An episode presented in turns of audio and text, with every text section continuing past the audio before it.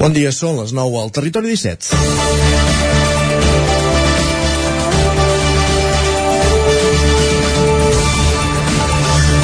Són dies de cega i l'activitat al camp és intensa. A les explotacions familiars hi falten mans i tothom s'arremanga, i això és el que va fer ahir Ferran Teixidor, alcalde del Brull, maniobrant amb un tractor, una bala de palla li va caure al damunt i perdia la vida en un malaurat accident cap a quarts d'onze del matí. Una trista notícia. Teixidor alcalde des de 2007, tot i que amb una extensa trajectòria com a regidor entre 91 i 99 i de 2003 a 2007, era actualment també el president de la Mancomunitat La Plana. Tenia 51 anys. Amb un discurs directe i sense embuts ha reivindicat la vida en entorns rurals. Tot allò que per alguns és un jardí, per als qui viuen a pagès és això, la seva manera de viure i guanyar-s'hi la vida. Ahir, un cop coneguda la trista notícia, les mostres de suport a la família i memòria de la figura de Teixidor es van anar reproduint a les xarxes socials per part d'ajuntaments, companys de política i amics. El comunicat de l'Ajuntament del Brull començava així. Us comuniquem la mort d'en Ferran Teixidor, un amic i un referent que des de l'honestedat, el compromís, la qualitat humana i la sensibilitat va trobar en l'alcaldia un mitjà per posar la seva immensa vocació pública al servei de les persones i del nostre territori. El Brull. Joan Carles Rodríguez, president del Consell Comarcal d'Osona i alcalde de Sant Julià de Vilatorta, deia desolat per la mort de Ferran Teixidor, alcalde del Brull i president de la Mancomunitat La Plana. Trobarem a faltar la teva empenta, la passió per la millora constant del servei públic i la teva vocació municipalista immensa, la convicció que el millor servei es dona des de la proximitat dels consistoris unint esforços i mancomunant serveis. Una tragèdia, un accident mentre treballava a casa seva, ha acabat sobtadament amb la seva vida. Accidents agrícoles a pagès, desgraciadament, en coneixem molts, massa. En aquest sentit, també caldria una reflexió col·lectiva sobre la seguretat al camp. Desgraciadament, en Ferran ja no ens podrà afegir al debat, cosa que segur que hagués fet. Descansi en pau. I un últim apunt, el de Carles Benús, alcalde de Tavernoles. Trobarem a faltar en Ferran per la passió que posava en tot allò que feia, per ser el primer a remengar-se quan tocava, per la voluntat de servei, ja fos a l'Ajuntament del Brull o a la Mancomunitat La Plana. Una d'aquelles pèrdues que et deixa colpit. Descansa en pau, Ferran Teixidor. El Brull, el Montseny, Osona, ploren avui l'absència de Ferran Teixidor. És dilluns, 27 de juny de 2022. Comença el Territori 17 a la sintonia de la veu de Sant Joan, Ràdio Cardedeu, Ona Cotinenca, Ràdio Vic, el 9 FM i el 9 TV. Territori 17, amb Isaac Moreno i Jordi Sunyer.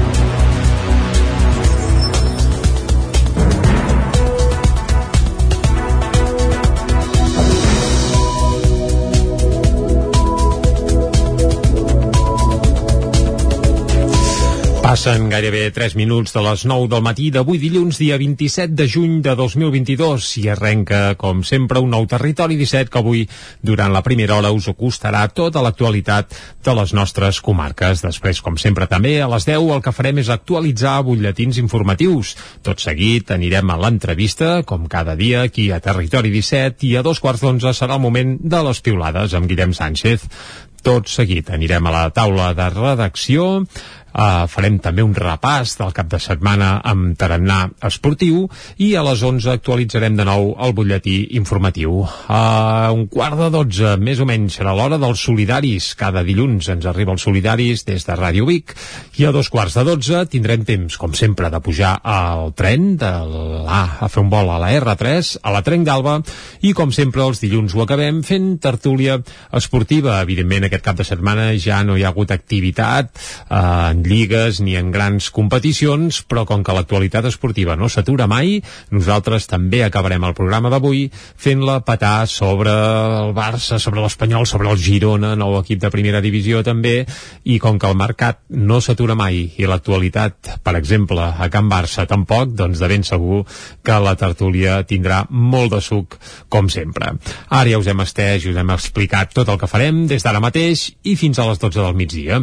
I com sempre, per arrencar, el que farem és acostar-vos l'actualitat de les nostres comarques. Ja ho sabeu, les comarques del Ripollès, Osona, el Moianès i el Vallès Oriental.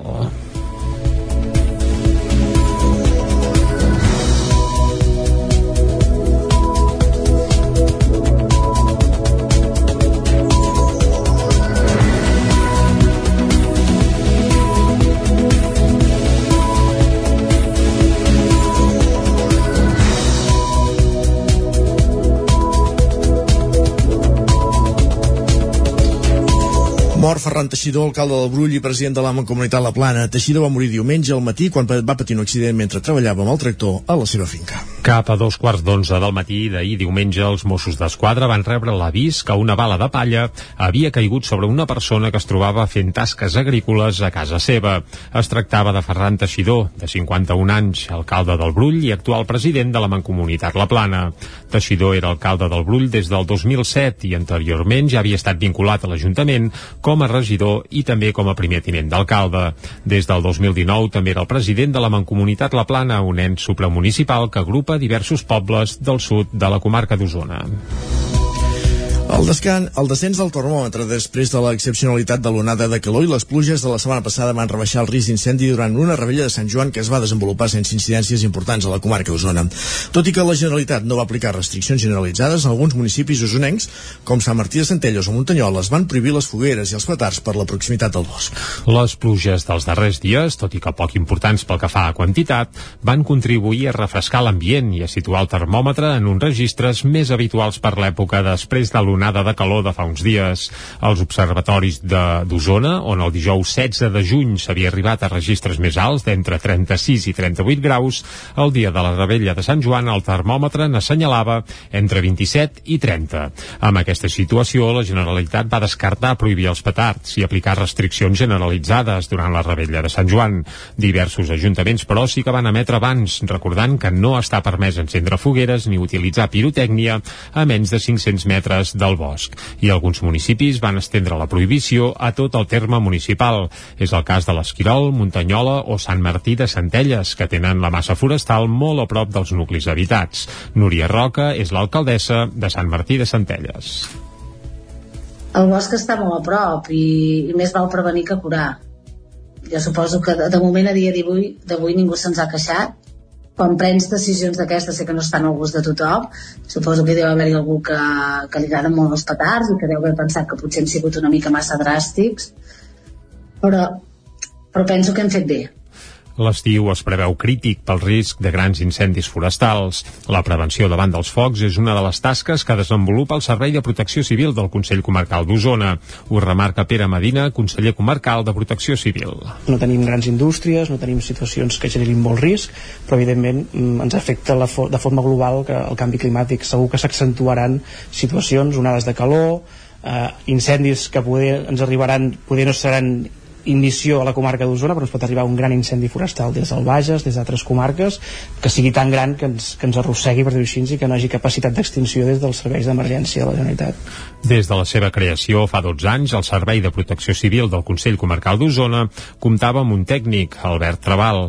Recentment, i gràcies a un conveni amb els ajuntaments de Vic i Manlleu, s'hi ha incorporat un segon tècnic, Salvador Borrell. Escoltem a que Pere tota Marina. la informació estigui al dia, de fer plans d'autoprotecció quan ho demanen ajuntaments, per exemple, ara que hem començat la col·laboració amb l'Ajuntament de Vic, doncs ja us podeu imaginar, quan hi ha el mercat de música viva, tot l'enrenou que genera a nivell de protecció civil, no? la multitud de gent que ve a, a Vic. Doncs totes aquestes tasques han d'estar coordinades per una persona titulada i amb una visió també comarcal perquè eh, tota la comarca es mereix rebre el mateix servei a nivell de protecció civil. Des del Servei de Protecció Civil del Consell Comarcal es van sumar a la consigna del Departament d'Interior, demanant seny i prudència amb les fogueres i els petards durant una rebella de Sant Joan, que en el cas d'Osona va ser relativament tranquil·la. Els bombers fan 50 serveis, 57 serveis durant la nit de la rebella de Sant Joan al Vallès Oriental. La majoria de les sortides van ser per cremades de contenidors i focs de matolls en entorns urbans. Núria Lázaro, Ràdio de Televisió, Cardedeu. Els bombers de la Generalitat han fet un total de 57 serveis al Vallès Oriental durant la nit de la rebella de Sant Joan. La majoria de les sortides han estat per incendis de contenidors o de petits focs de vegetació en entorns urbans. També n'hi ha hagut per altres motius com ara accidents. El succés més rellevant es va produir quan faltaven 10 minuts per les 3 de la matinada, quan un incendi cremava quatre contenidors entre els carrers Aníbal i Roger de Flor de Granollers i afectava quatre quatre vehicles estacionats. En conjunt, els bombers han hagut d'atendre nou incidències a Granollers. A la resta de municipis el nombre ha estat inferior. En concret, hi ha hagut dues intervencions a les franqueses Montmeló, Sant Antoni de Vilamajor i Sant Pere de Vilamajor i una a Cardedeu, la Llagosta, Llinars, Martorelles, Sant Feliu de Codines, Santa Eulàlia Santa Maria de Palautordera i Vallromanes. La consellera de Presidència Laura Vilagrà visita Vic per conèixer de primera mà dos dels principals projectes esportius que té la ciutat, el circuit d'Osona i el Centre de Tecnificació Esportiva, que vol, que vol acollir la capital d'Osona. Pel que fa al Centre de Tecnificació, la consellera no es va voler mullar i només es va comprometre a estudiar-lo. Vilagrà ja coneixia la ciutat i l'havia visitat com a delegada del govern a la Catalunya Central, però oficialment, com a consellera, encara no havia estat al consistori biguetà. És per això que el primer que va fer va ser firmar el llibre d'honor. Després es va reunir amb l'alcaldessa Anna R per conèixer de primera mà dos dels principals projectes esportius que té Vic. En primer lloc, R va demanar a Vilagrà que la Generalitat s'impliqui en les millores que s'estan fent al circuit d'Osona, un equipament municipal que la consellera va anar a visitar presencialment després de passar per l'Ajuntament. L'alcaldessa també li va demanar que la Generalitat assumeixi el compromís de tirar endavant el centre de tecnificació esportiva que vol acollir Vic. En aquest sentit, però, la consellera va ser molt prudent i no es va voler comprometre. L'escoltem. Nosaltres tenim els nostres tempos també per valorar doncs, en quin moment podem impulsar un centre de tecnificació. Eh, saben que al conjunt del país doncs, n'hi ha molts i que sempre els pressupostos doncs, són ajustats. Per tant, la voluntat és que, Catalunya continuï apostant per aquests centres de tecnificació, però en qualsevol cas, diguem-ne, ho hem de valorar en el conjunt de, dels altres centres i és el que farem. I per tant, avui hem fet eh, doncs, aquesta sessió més doncs, política, però després hi ha d'haver unes sessions més tècniques que, de fet, la Secretaria General de l'Esport em consta que, que hi estan treballant i, per tant, donarem la resposta quan puguem. La visita de Vilagrà a Vic va acabar al circuit d'Osona, on va conèixer de primera mà les noves instal·lacions i va comprovar l'estat de les obres que s'hi estan fent. La policia local de Ripoll vigilarà amb drons els dos macroconcerts previstos a l'estiu a la Devesa del Pla.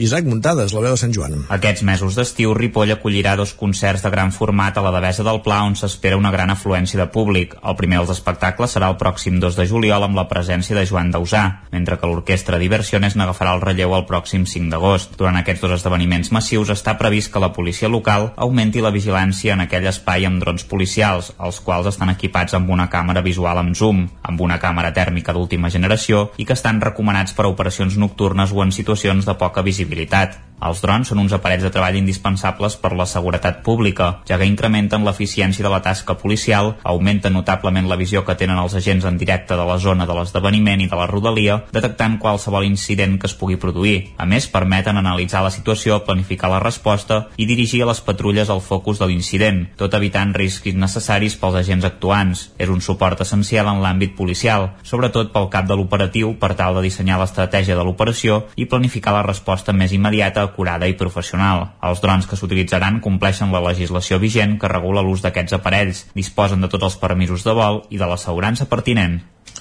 El Consell Comarcal d'Osona i l'Associació de la Plec Comarcal de la Sardana han presentat un doble CD recopilatori amb 30 sardanes. Totes les peces estan dedicades a municipis usonencs i s'ha estrenat els últims anys en el marc de la Plec. L'enregistrament ha anat a càrrec de la Cobla, la principal de la Bisbal. L'Associació de la Plec Comarcal de la Sardana d'Osona i el Consell Comarcal han publicat un doble CD amb 30 sardanes dedicades a la comarca que s'han anat escrivint amb motiu dels aplecs. L'edició del disc s'emmarca en la celebració de la quinzena edició de la Plec, que es celebrarà els dies 2 2 i 3 de juliol a Balanyà. Les gravacions es van fer entre el gener i el març passat i van anar a càrrec de la Cobla, la principal de la Bisbal, una de les formacions habituals en el concert de la vigília de la Plec. L'objectiu, preservar la música i les sardanes que han anat component. Ho remarca Marc Verdaguer, alcalde de Call d'Atenes i diputat de l'àrea d'innovació, governs locals i cohesió territorial de la Diputació. La nostra comarca és terra de sardanes, de mestres sardanistes i de cobles que traslladen l'alegria d'aquesta celebració a les places dels nostres pobles. I aquest és un patrimoni que convé preservar, no només per traspassar-ne el seu llegat a les noves generacions, sinó per mantenir-ne viva la flama. En l'acte de presentació, Lluís Soler, en nom de l'Associació de la Plec Comarcal, va voler agrair a tots els col·laboradors la seva feina i va destacar per sobre de tot la figura de Joan Codina, el president de l'entitat aquests tipus d'iniciatives no tiren endavant si no hi ha algú que empeny amb energia, entusiasme i perseverança el projecte. En el nostre cas, la persona és en Joan Codina, que el tenim aquí entre nosaltres, en Joan Codina i Font, que ha treballat de valent perquè l'esdeveniment arrelés i es consolidés amb força i projecció. L'acte de presentació del disc, que es va fer dimecres passat a la seu del Consell Comarcal d'Osona, va acabar amb l'entrega d'un exemplar del CD a cada un dels compositors assistents, als representants dels ajuntaments col·laboradors i també a les empreses que han ajudat econòmicament. L'Escaldàrium, la Festa del Foc i de l'Aigua de Caldes de Montbui, que es celebrarà el 9 de juliol, amplia per primera vegada la festa a la nit de divendres, zona codinenca, que era el Campàs. Mica en mica, l'Escaldàrium es va acostant cada vegada més al concepte que persegueix des que va néixer ara fa 28 anys. Dotar la Vila Termal d'una festa major d'estiu. D'aquesta manera, l'edició d'enguany, que tindrà lloc, com sempre, el segon dissabte de juliol, ampliarà les activitats nocturnes per primer cop a la nit de divendres. A banda, les entitats que formen part de la comissió d'Escaldàrium han vestit un programa d'actes que arrencarà força dies abans, l'1 de juliol, i que culminarà el dia 9 amb el retorn de la Festa del Foc i de l'Aigua al seu escenari habitual, la plaça de la Font del Lleó, després de 3 anys d'absència per la pandèmia. L'Escaldàrium 2022 es va presentar aquesta passada setmana al davant del mural alegòric de la festa, al darrere de les termes romanes. En aquesta edició, les entitats responsables, els Diables, la Forca, músics, bombers i l'Ajuntament han apostat per recuperar i assegurar els mecanismes que fan possible la festa sense gaires novetats. Sí que n'hi haurà algunes, però en els dies previs. En primer lloc, el Parc de Can Rius es consolidarà el 8 i 9 de juliol com l'escenari de les activitats que complementen l'Escaldàrium. Hi haurà food trucks i un grapat de concerts. D'altres novetats passen pel Concertàrium, que serà el dia 2 de juliol i que es va crear l'any passat com a activitat central de la festa davant l'impossibilitat de fer l'Escaldàrium de forma habitual i que enguany s'ha quedat per substituir el que era fins ara l'Escaldàrium de Cambra. Pel que fa al divendres 8 també hi ha novetats, el que fins ara coneixíem com l'execució de les bruixes, l'acte central del dia passa a anomenar-se el judici, si en pengen una, ens pengen a totes. L'acte tornarà a la plaça de la Font del Lleó i incorporarà un nou personatge que es revelarà durant l'actuació.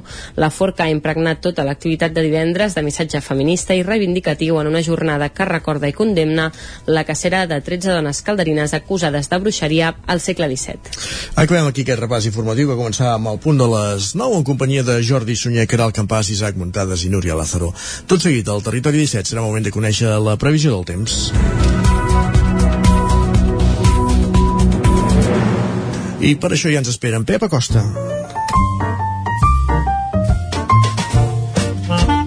Casa Terradellos us ofereix el temps. Un Pep Acosta, qui ja saludem de seguida, segur que el Sant Joan li va anar vaja, de primera, com sempre.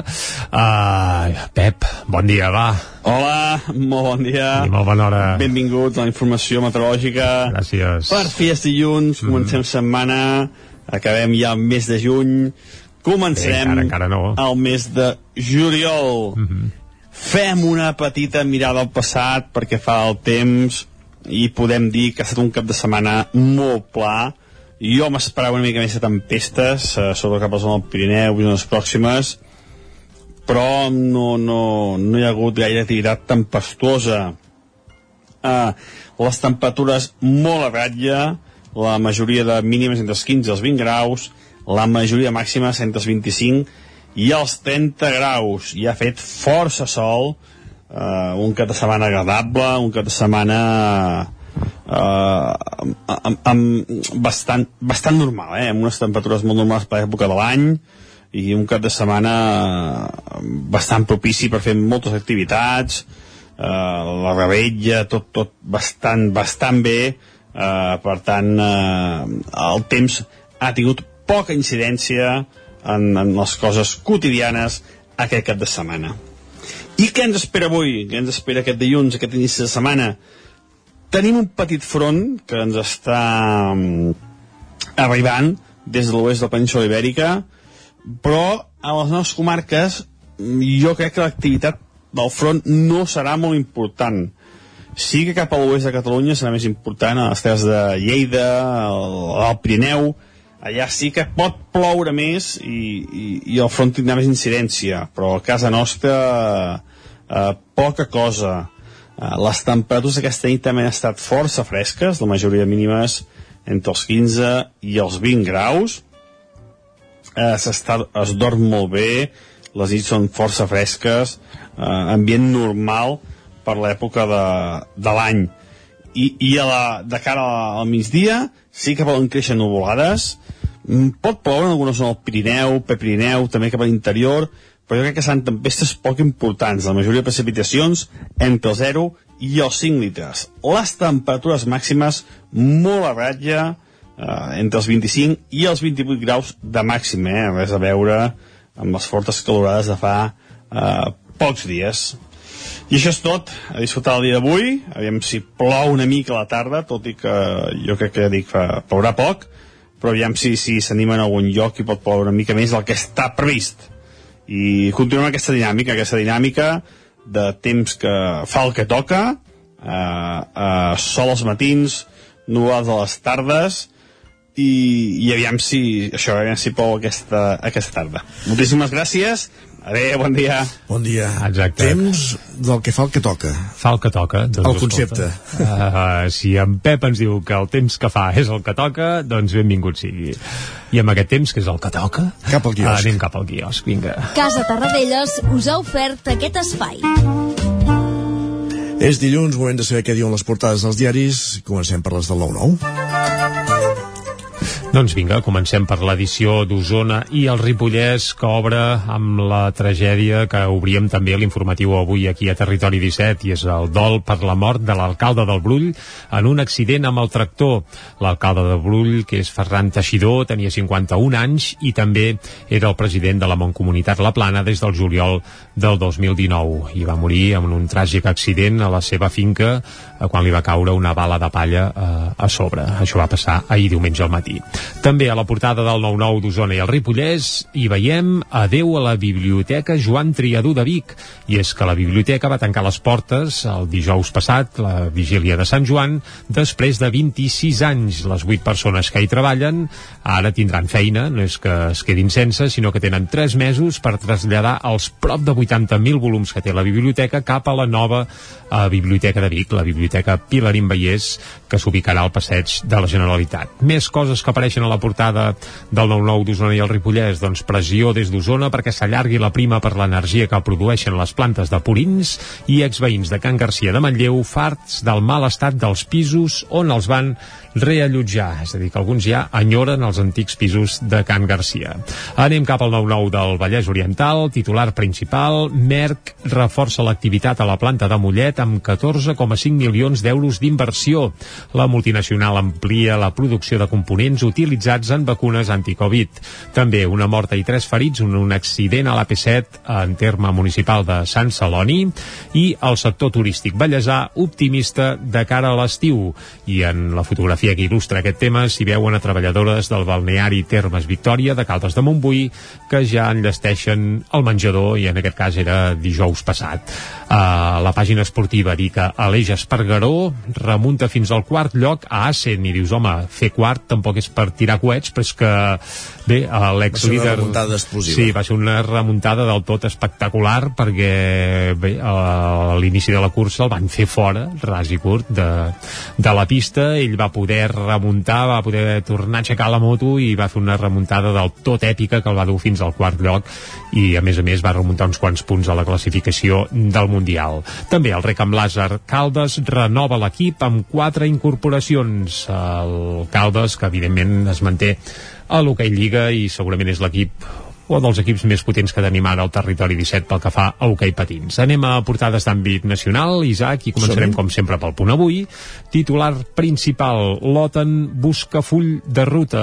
On el buscarà aquest full de ruta? Doncs a Madrid, on es reuniran. Uh, bé, uh, que vagin buscant, però bé, aquests dies diguem que els estats debaten el rol de l'aliança en un context de guerra a Europa. L'augment de la despesa en armes atorga protagonisme al pacte de defensa. També veiem que via pirinenca a l'autodeterminació rebutja la repressió policial de Melilla. Tot això a la portada del punt avui. Anem a la de l'ara. La Unió Europea tanca files amb Espanya i el Marroc. Uh, manifestacions en diverses ciutats exigeixen una investigació sobre els fets de Melilla. De moment, però, d'investigació no se'n preveu cap en lloc, però ja és, passa sovint en aquests casos. Uh, ja no diguem al Marroc, que evidentment no passa mai, però és que l'estat espanyol pràcticament tampoc. I a l'ara també hi ha un, bé, un reportatge interessant. Així és com la policia capta confidents dins de l'independentisme i el testimoni d'un xicot que, bé, que es veu que la policia li va dir tu vols treballar per nosaltres i ens vas passant bé, eh, que es cou dins el moviment independentista i el xicot que ho explica a l'ara i també a la directa. Més portades catalanes. Anem a l'avantguàrdia. Entrevista a Pedro Sánchez a l'avantguàrdia i el titular principal és precisament per una cita del mateix Pedro Sánchez. La cimera de l'OTAN és una oportunitat per a la pau. Això afirma el president espanyol. També diu que l'esquerra ha de reflexionar sobre l'augment de la despesa militar. També que lamenta les morts a la tanca però els culpables són les màfies, referint-se als, bé, als tràgics eh, fets de Malilla, i sobre les clavegueres de l'Estat, Pedro Sánchez diu que el PP hauria de demanar perdó per l'operació Catalunya bé, eh, que s'ho apliqui ell mateix també a vegades aquestes coses, però ja se sap que cadascú es compra cap al seu molí. A més, un altre titular, l'Aliança Atlàntica canviarà de model i tindrà més tropes i armes. Això aventuren des de la portada de l'avantguàrdia i ràpidament cop d'ull al periòdico. Tres de cada quatre barcelonins volen canviar d'alcalde. És un sondeig que publica el periòdico quan falta un any per les municipals i diuen que el 73% dels electors creuen necessari un relleu a Ada Colau, inclòs un 41% dels votants del seu partit. Això segons l'enquesta, eh? I això I fa el periòdico, eh? Sí, eh, ara el periòdico sembla que... Bé, tant és, però eren molt no, no, amics de Colau, potser no, no ho són tant. Anava a dir que no, no és un diari d'aquests de Madrid o, no, o no, la Vanguardia no, no, no, que li no, no. certa... I atenció, perquè Maragall i Collboni, que el Collboni és del, del PSC, es disputen la victòria i tots dos estan a l'alça. Dir, que sembla que hi hauria un frec a frec, PSC ja no Esquerra, fer, ja no per mirar qui guanya. Eh? Ja ho sap tot. No, no, ja ho saben tot. Va guanyar Esquerra les últimes eleccions, recordem-ho a Barcelona, tot i que després ja sabem què va passar amb Valls i amb d'altres. Eh? I retorn accidentat, parlen de l'operació retorn d'aquests tres dies de Sant Joan també al periòdico. I ràpidament a Madrid, la Razón, el govern amaga Podem per vendre unitat davant l'OTAN, ole. El país, l'OTAN protegirà per primera vegada Ceuta i Melilla, això apuntant al país a El Mundo, els Estats Units, refreden la prioritat del flanc sud que reclama Espanya. Uh -huh. i a l'ABC eh, acabem fent un cop d'ull a l'ABC que titulen Podem vol convertir les escoles concertades en públiques. I l'ABC se n'ha adonat i ja ho denuncia perquè això es veu que seria una tragèdia. Doncs va, eh, a aquest punt fem una pausa i tornem d'aquí 3 minuts. El nou FM, la ràdio de casa, al 92.8 Informa't dels graus i cicles formatius de grau superior de la UBIC. Demana'ns una sessió personalitzada presencial o virtual. Orientadors, professorat i estudiants t'ajudarem a resoldre tots els teus dubtes. Escriu-nos a ubic.cat barra info barra atenció personalitzada. Universitat de Vic, Universitat Central de Catalunya. El Roures Parc de Ceba. Obrim a partir del 27 de juny. Pista de volei, pista 3x3, bar, zona de pícnic i una gran caseta de boles. Tres piscines amb un ampli entorn de gespa i arbredes frondoses per gaudir de la natura sense passar calor. I aquest any estrenem jocs infantils i tornen els tastets de volei pels més petits. El Roures Parc de Ceba. Obrim cada dia des de dos quarts d'onze fins a dos quarts de vuit del vespre. T'hi esperem. Cobertes serveis funeraris. Els nostres tanatoris estan ubicats en els nuclis urbans més poblats de la comarca d'Osona per oferir un millor servei. Tanatori de Vic, Tanatori de Manlleu, Tanatori de Centelles i Tanatori de Roda de Ter. Sabem que són moments difícils i per això el nostre compromís és atendre-us en tot moment amb un tracte humà, sensible i respectuós. Cobertes serveis funeraris. Telèfon 24 hores 93 883 23 46. Passema, comercial de maquinària i utillatges amb més de 50 anys al vostre servei. Visiteu la nostra botiga i trobareu productes de gran qualitat. Passema, som al polígon Sot dels Pradals, al carrer Cervera 10 de Vic. Telèfon 93 885 32 51. Us desitgem una bona festa major de Vic. Tic, tac, tic, tac. Per fi, atac dental i radiografia dental a Torelló. A la Clínica Dental Sant Fortià hi trobareu un equip professional que treballa de manera coordinada per oferir un tracte sensible i humà. Estem preparats per qualsevol urgència dental i oferim accions preventives per la tercera edat i els infants. El doctor Ramon Garcia, implantòleg de Barcelona, fa 10 anys que visita Torelló. Truca'ns al 93 859 6408 i tindràs la primera visita gratuïta i la radiografia panoràmica i el tac dental sense cap cost. Clínica Dental Sant Fortià. Ens trobareu a la plaça Sant Fortià número 9 de Torelló al 93 859 6408. Tic, tac, tic, tac. Per fi, tac a Torelló. Anuncia't al 9FM. La màquina de casa. 9 3 8 8 9 4 9 4 9. Publicitat arroba al 9FM.cat. Anuncia't al 9FM. La publicitat més eficaç. El 9FM, el 9FM, el 9FM, el 9FM.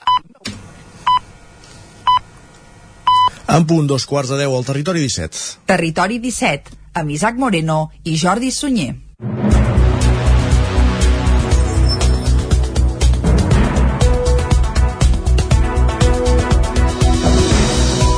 Doncs vinga, dos quarts de deu d'avui dilluns, dia 27 de juny de 2022, un dia especial perquè s'ha acabat el curs escolar, avui és dia d'inici de casals d'estiu, sobretot. Els que teniu infants a casa ho sabeu bé prou, i afortunadament, doncs això, avui arrenquen la majoria de casalets, activitats esportives i tot tipus d'activitats lúdiques pels més menuts.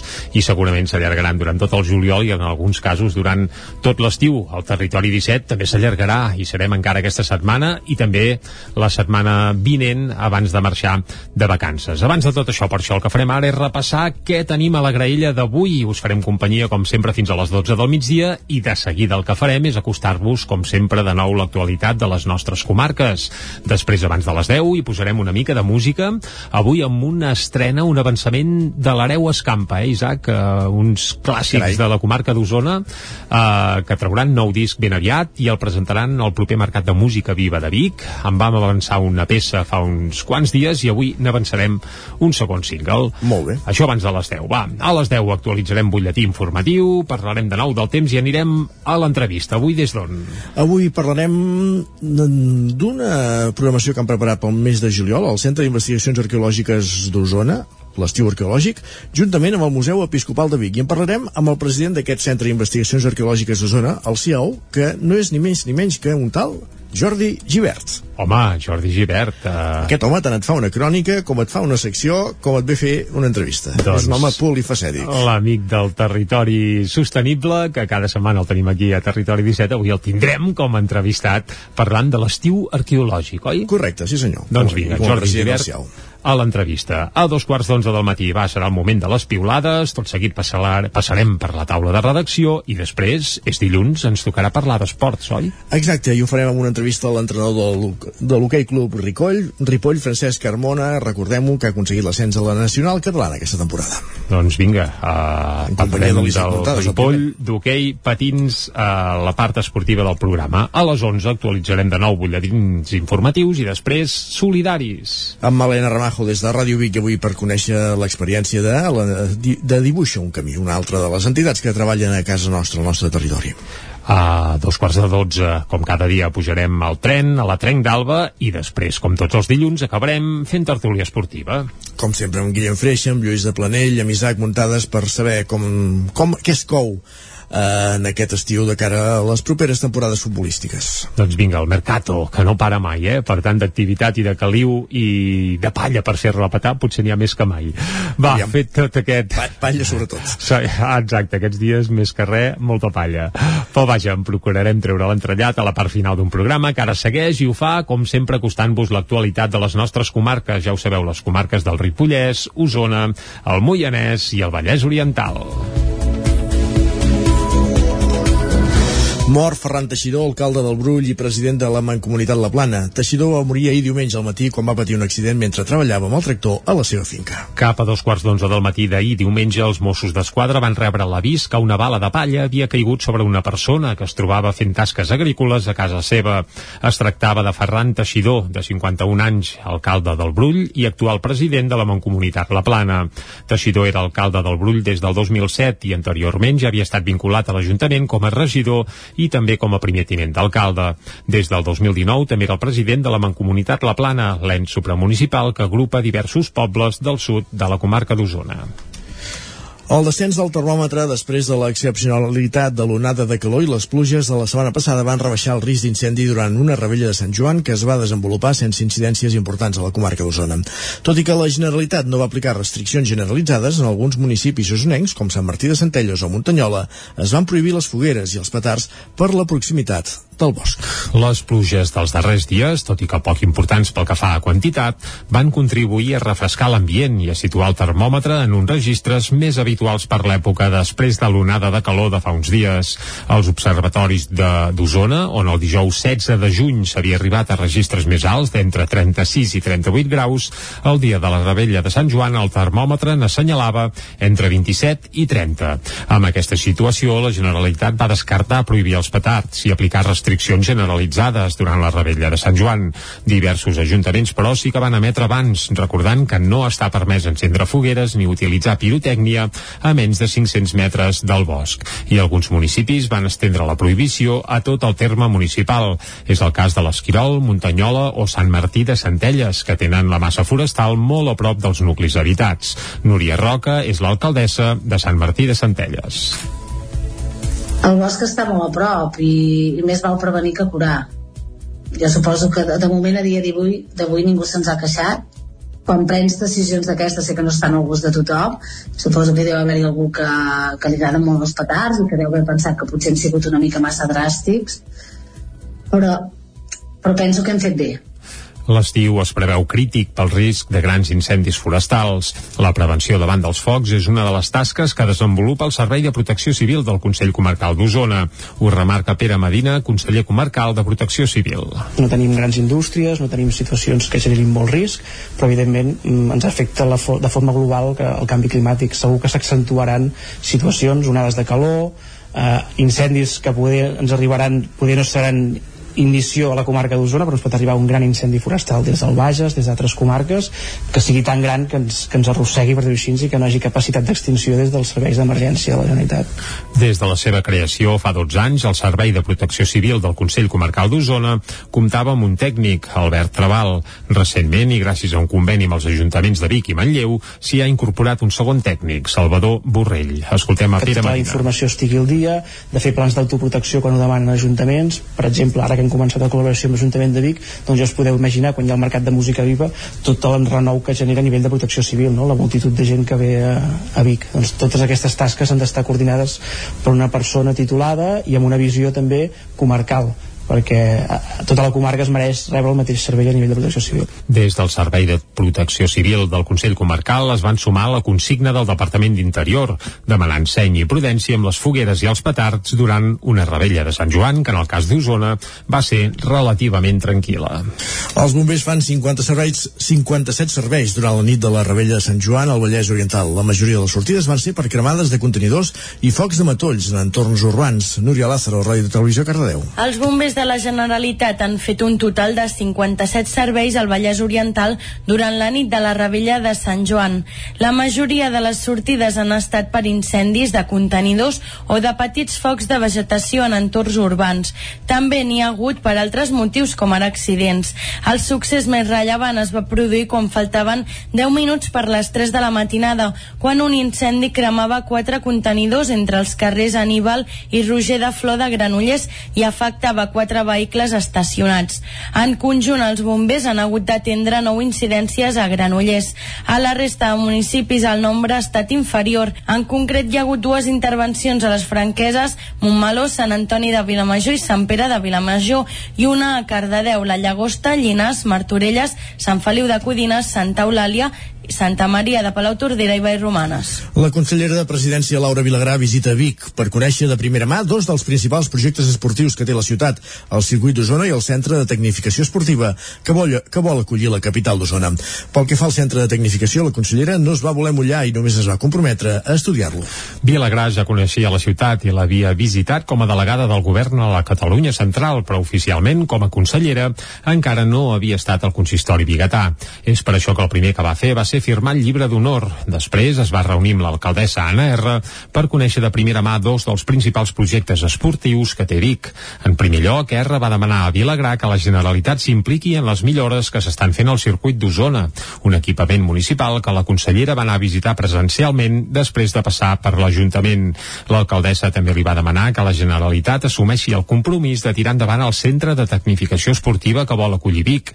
En aquest sentit, però, la consellera va ser molt prudent i no es va voler comprometre. L'escoltem. Nosaltres tenim els nostres tempos també per valorar doncs, en quin moment podem impulsar un centre de tecnificació. Eh, saben que al conjunt del país doncs, n'hi ha molts i que sempre els pressupostos doncs, són ajustats. Per tant, la voluntat és que Catalunya continuï apostant per aquests centres de tecnificació, però en qualsevol cas, diguem-ne, ho hem de valorar en el conjunt de, dels altres centres i és el que farem. I per tant, avui hem fet eh, doncs, aquesta sessió més doncs, política, però després hi ha d'haver unes sessions més tècniques que, de fet, la Secretaria General de l'Esport em consta que, que hi estan treballant i, per tant, donarem la resposta quan puguem. La visita de Vilagrà a Vic va acabar al circuit d'Osona, on va conèixer de primera mà les noves instal·lacions i va comprovar l'estat de les obres que s'hi estan fent.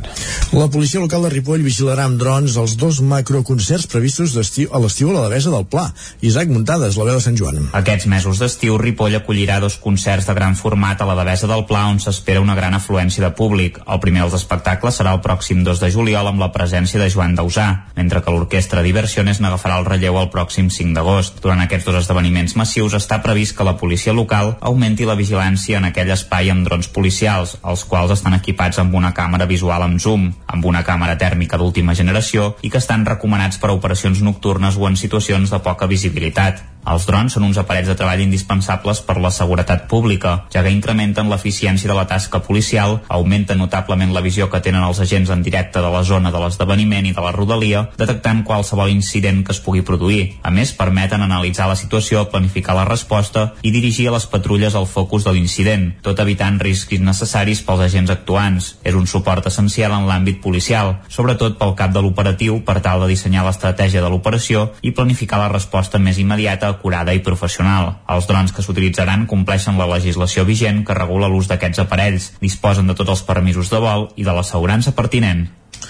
El Consell Comarcal d'Osona i l'Associació de la Plec Comarcal de la Sardana han presentat un doble CD recopilatori amb 30 sardanes. Totes les peces estan dedicades a municipis usonencs i s'ha estrenat els últims anys en el marc de la Plec. L'enregistrament ha anat a càrrec de la Cobla, la principal de la Bisbal. L'Associació de la Plec Comarcal de la Sardana d'Osona i el Consell Comarcal han publicat un doble CD amb 30 sardanes dedicades a la comarca que s'han anat escrivint amb motiu dels aplecs. L'edició del disc s'emmarca en la celebració de la quinzena edició de la Plec, que es celebrarà els dies 2 i 3 de juliol a Balanyà. Les gravacions es van fer entre el gener i el març passat i van anar a càrrec de la Cobla, la principal de la Bisbal, una de les formacions habituals en el concert de la vigília de la Plec. L'objectiu, preservar la música i les sardanes que han anat component.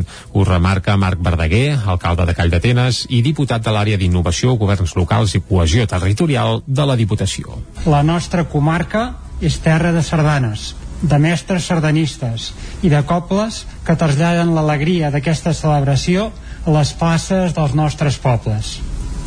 I aquest és un patrimoni que convé preservar, no només per traspassar-ne el seu llegat a les noves generacions, sinó per mantenir-ne viva la flama. En l'acte de presentació, Lluís Soler, en nom de l'Associació de la Plec Comarcal, va voler agrair a tots els col·laboradors la seva feina i va destacar per sobre de tot la figura de Joan Codina, el president de l'entitat. Aquests tipus d'iniciatives no tiren endavant si no hi ha algú que empeny amb energia, entusiasme i perseverança el projecte. En el nostre cas, la persona és en Joan Codina, que el tenim aquí entre nosaltres, en Joan Codina i Font, que ha treballat de valent perquè l'esdeveniment arrelés i es consolidés amb força i projecció.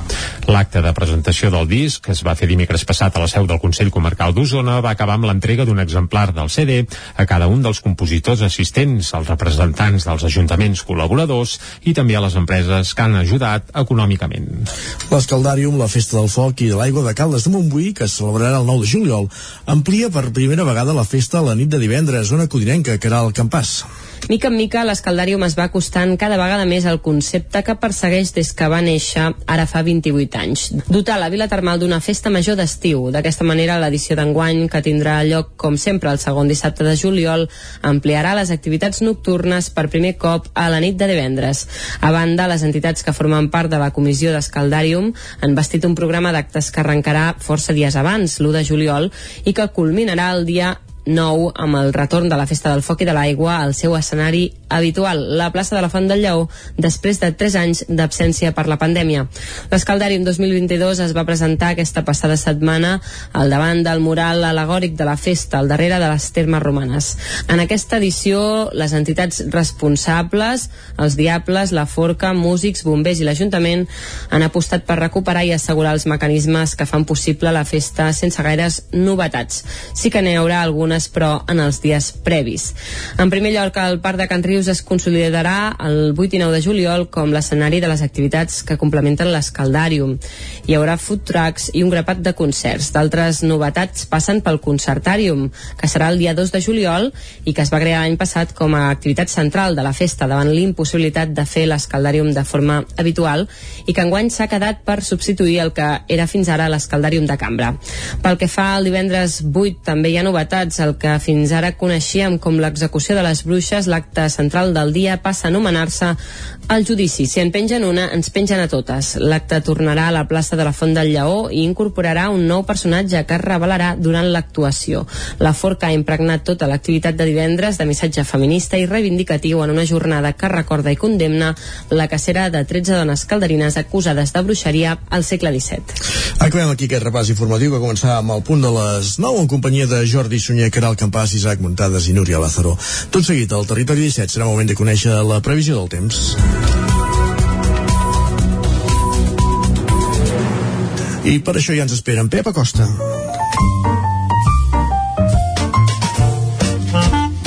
Casa Terradellos us ofereix el temps. Un Pep Acosta, qui ja saludem de seguida, segur que el Sant Joan li va anar, vaja, de primera, com sempre. Uh, Pep, bon dia, va. Hola, molt bon dia. I molt bona hora. Benvinguts a la informació meteorològica. Gràcies. Per fi és dilluns, Mm. comencem setmana, acabem ja el mes de juny, comencem Eh, encara- encara no. el mes de juliol. Mhm.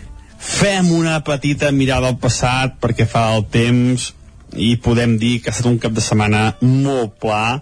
Jo m'esperava una mica més de tempestes, eh, sobretot cap a zona del Pirineu i zones pròximes, però no, no, no hi ha hagut gaire activitat tempestuosa.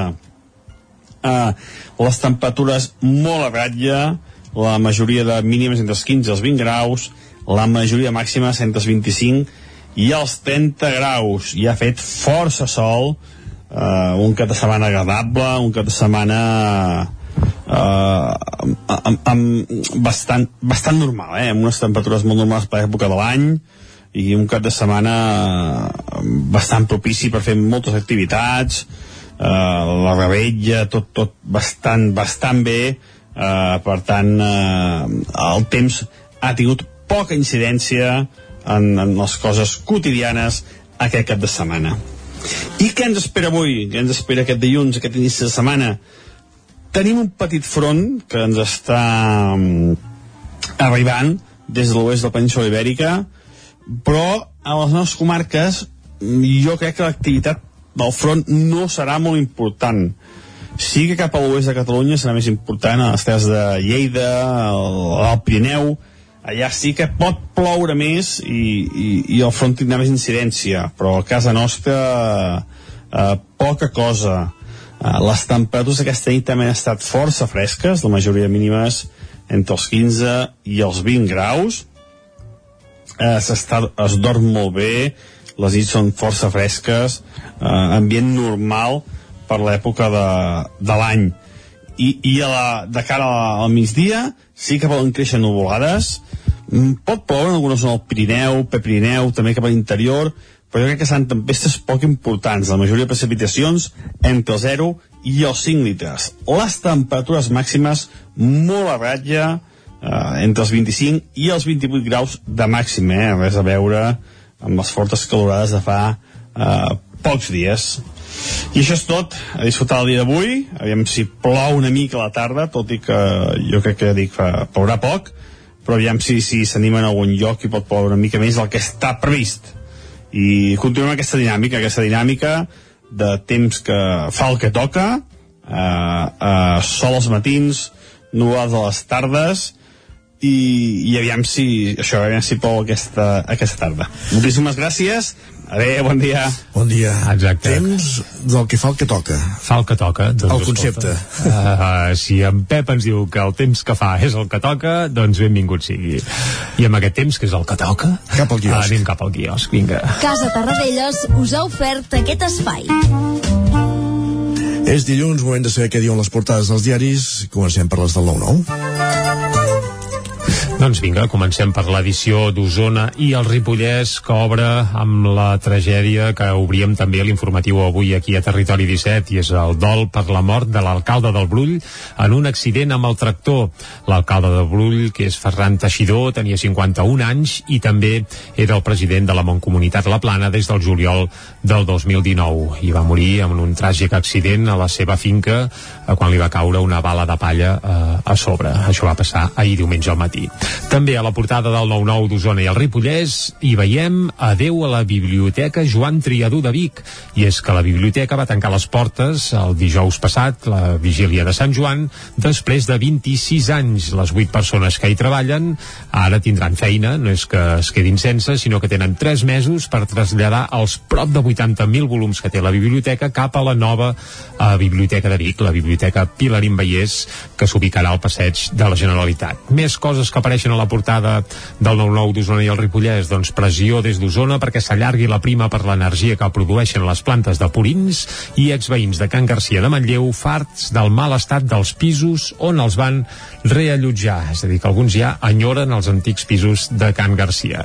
Anem cap al 9-9 del Vallès Oriental, titular principal, Merck reforça l'activitat a la planta de Mollet amb 14,5 milions d'euros d'inversió. La multinacional amplia la producció de components utilitzats en vacunes anticovid. També una morta i tres ferits en un accident a l'AP7 en terme municipal de Sant Celoni i el sector turístic ballesà optimista de cara a l'estiu. I en la fotografia que il·lustra aquest tema s'hi veuen a treballadores del balneari Termes Victòria de Caldes de Montbui que ja enllesteixen el menjador i en aquest cas era dijous passat.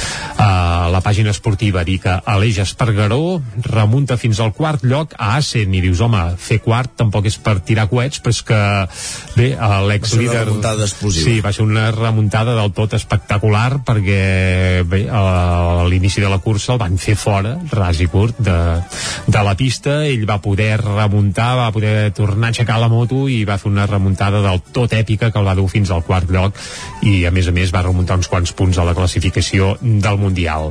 També el rec amb Lázar Caldes renova l'equip amb quatre incorporacions. El Caldes, que evidentment es manté a l'Hockey Lliga i segurament és l'equip un dels equips més potents que tenim ara al territori 17 pel que fa a hoquei patins. Anem a portades d'àmbit nacional, Isaac, i començarem com sempre pel punt avui.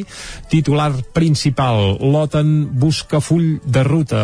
On el buscarà aquest full de ruta? Doncs a Madrid, on es reuniran. Carai. Uh, bé, uh, que vagin buscant, però bé, aquests dies diguem que els estats debaten el rol de l'aliança en un context de guerra a Europa. L'augment de la despesa en armes atorga protagonisme al pacte de defensa. També veiem que via pirinenca a l'autodeterminació rebutja la repressió policial de Melilla. Tot això a la portada del punt avui. Anem a la de l'ara. La Unió Europea tanca files amb Espanya i el Marroc.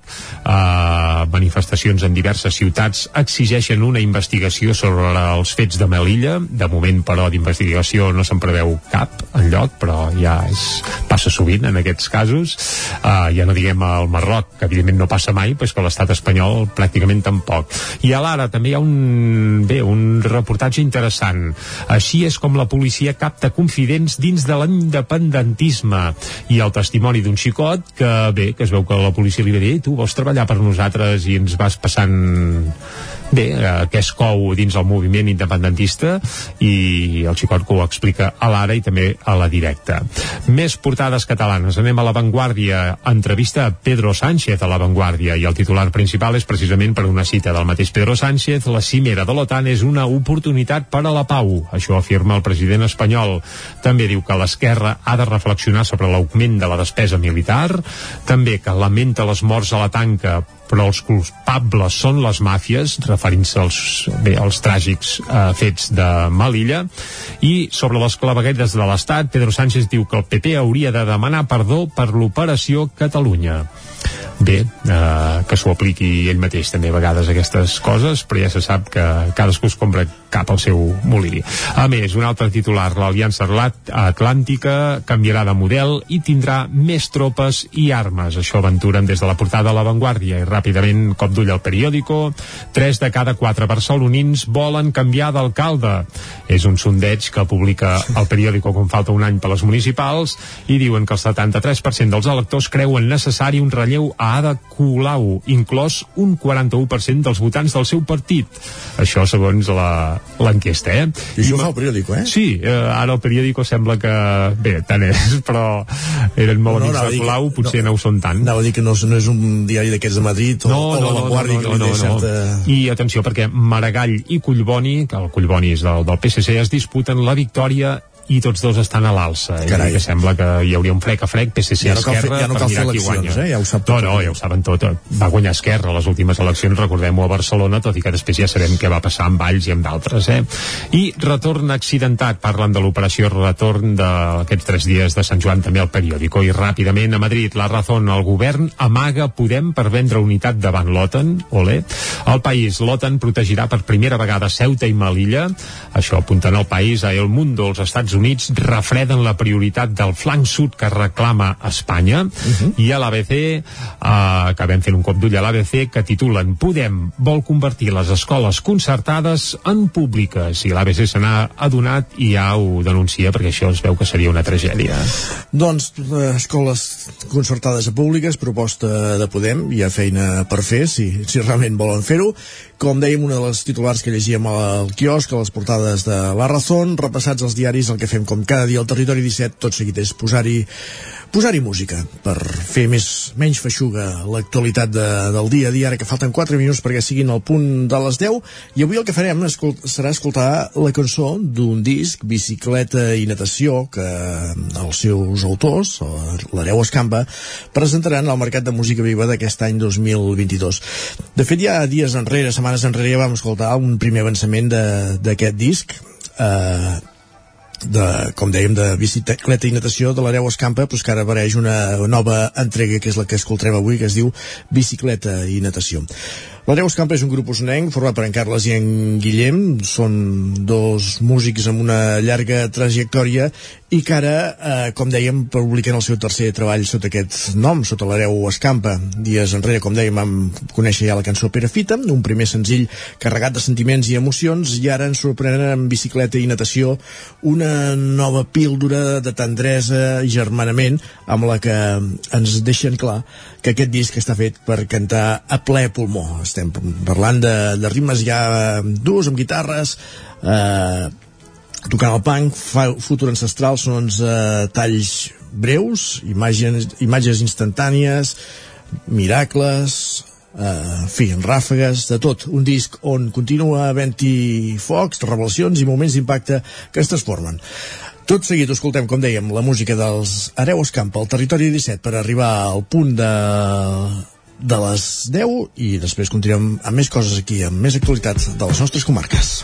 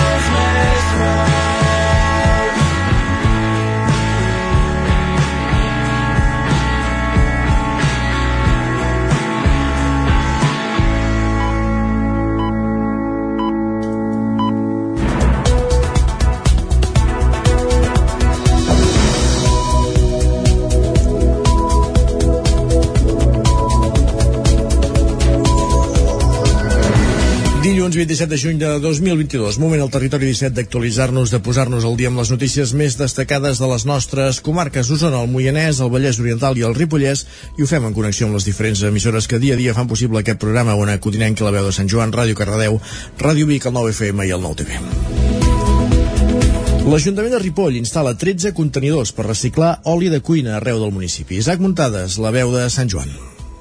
L'Ajuntament de Ripoll va signar un conveni de col·laboració amb l'associació Vídia per instal·lar 13 contenidors per a la recollida d'oli a diferents punts del terme municipal. Aquesta entitat s'ocuparà de col·locar els contenidors, de fer-ne el manteniment i del servei de recollida dels recipients amb oli i gestió dels envasos buits a través de l'empresa Deter Oil Ecology per a poder ser tractat i transformat en biocombustible biodiesel, sense cap cost per al consistori i la ciutadania. Així doncs, a partir d'ara serà més fàcil reciclar l'oli usat, que és un residu altament contaminant que si no gestiona correctament ocasiona importants perjudicis per a la salut i l'economia. L'eliminació de l'oli de cuina utilitzat a través del desguàs incideix directament en la proliferació de plagues urbanes de rosegadors, insectes o de microorganismes perjudicials per a la salut. També produeix un alt cost econòmic per les avaries en la xarxa del clavegaram públic i el treball extra per a les plantes de tractament d'aigües residuals. A més, l'associació Vidia és una entitat sense ànim de lucre que té com a objectius incorporar en la seva plantilla dones que han sofert maltractament físic o psicològic i col·laborar a la inserció laboral incorporant a la seva plantilla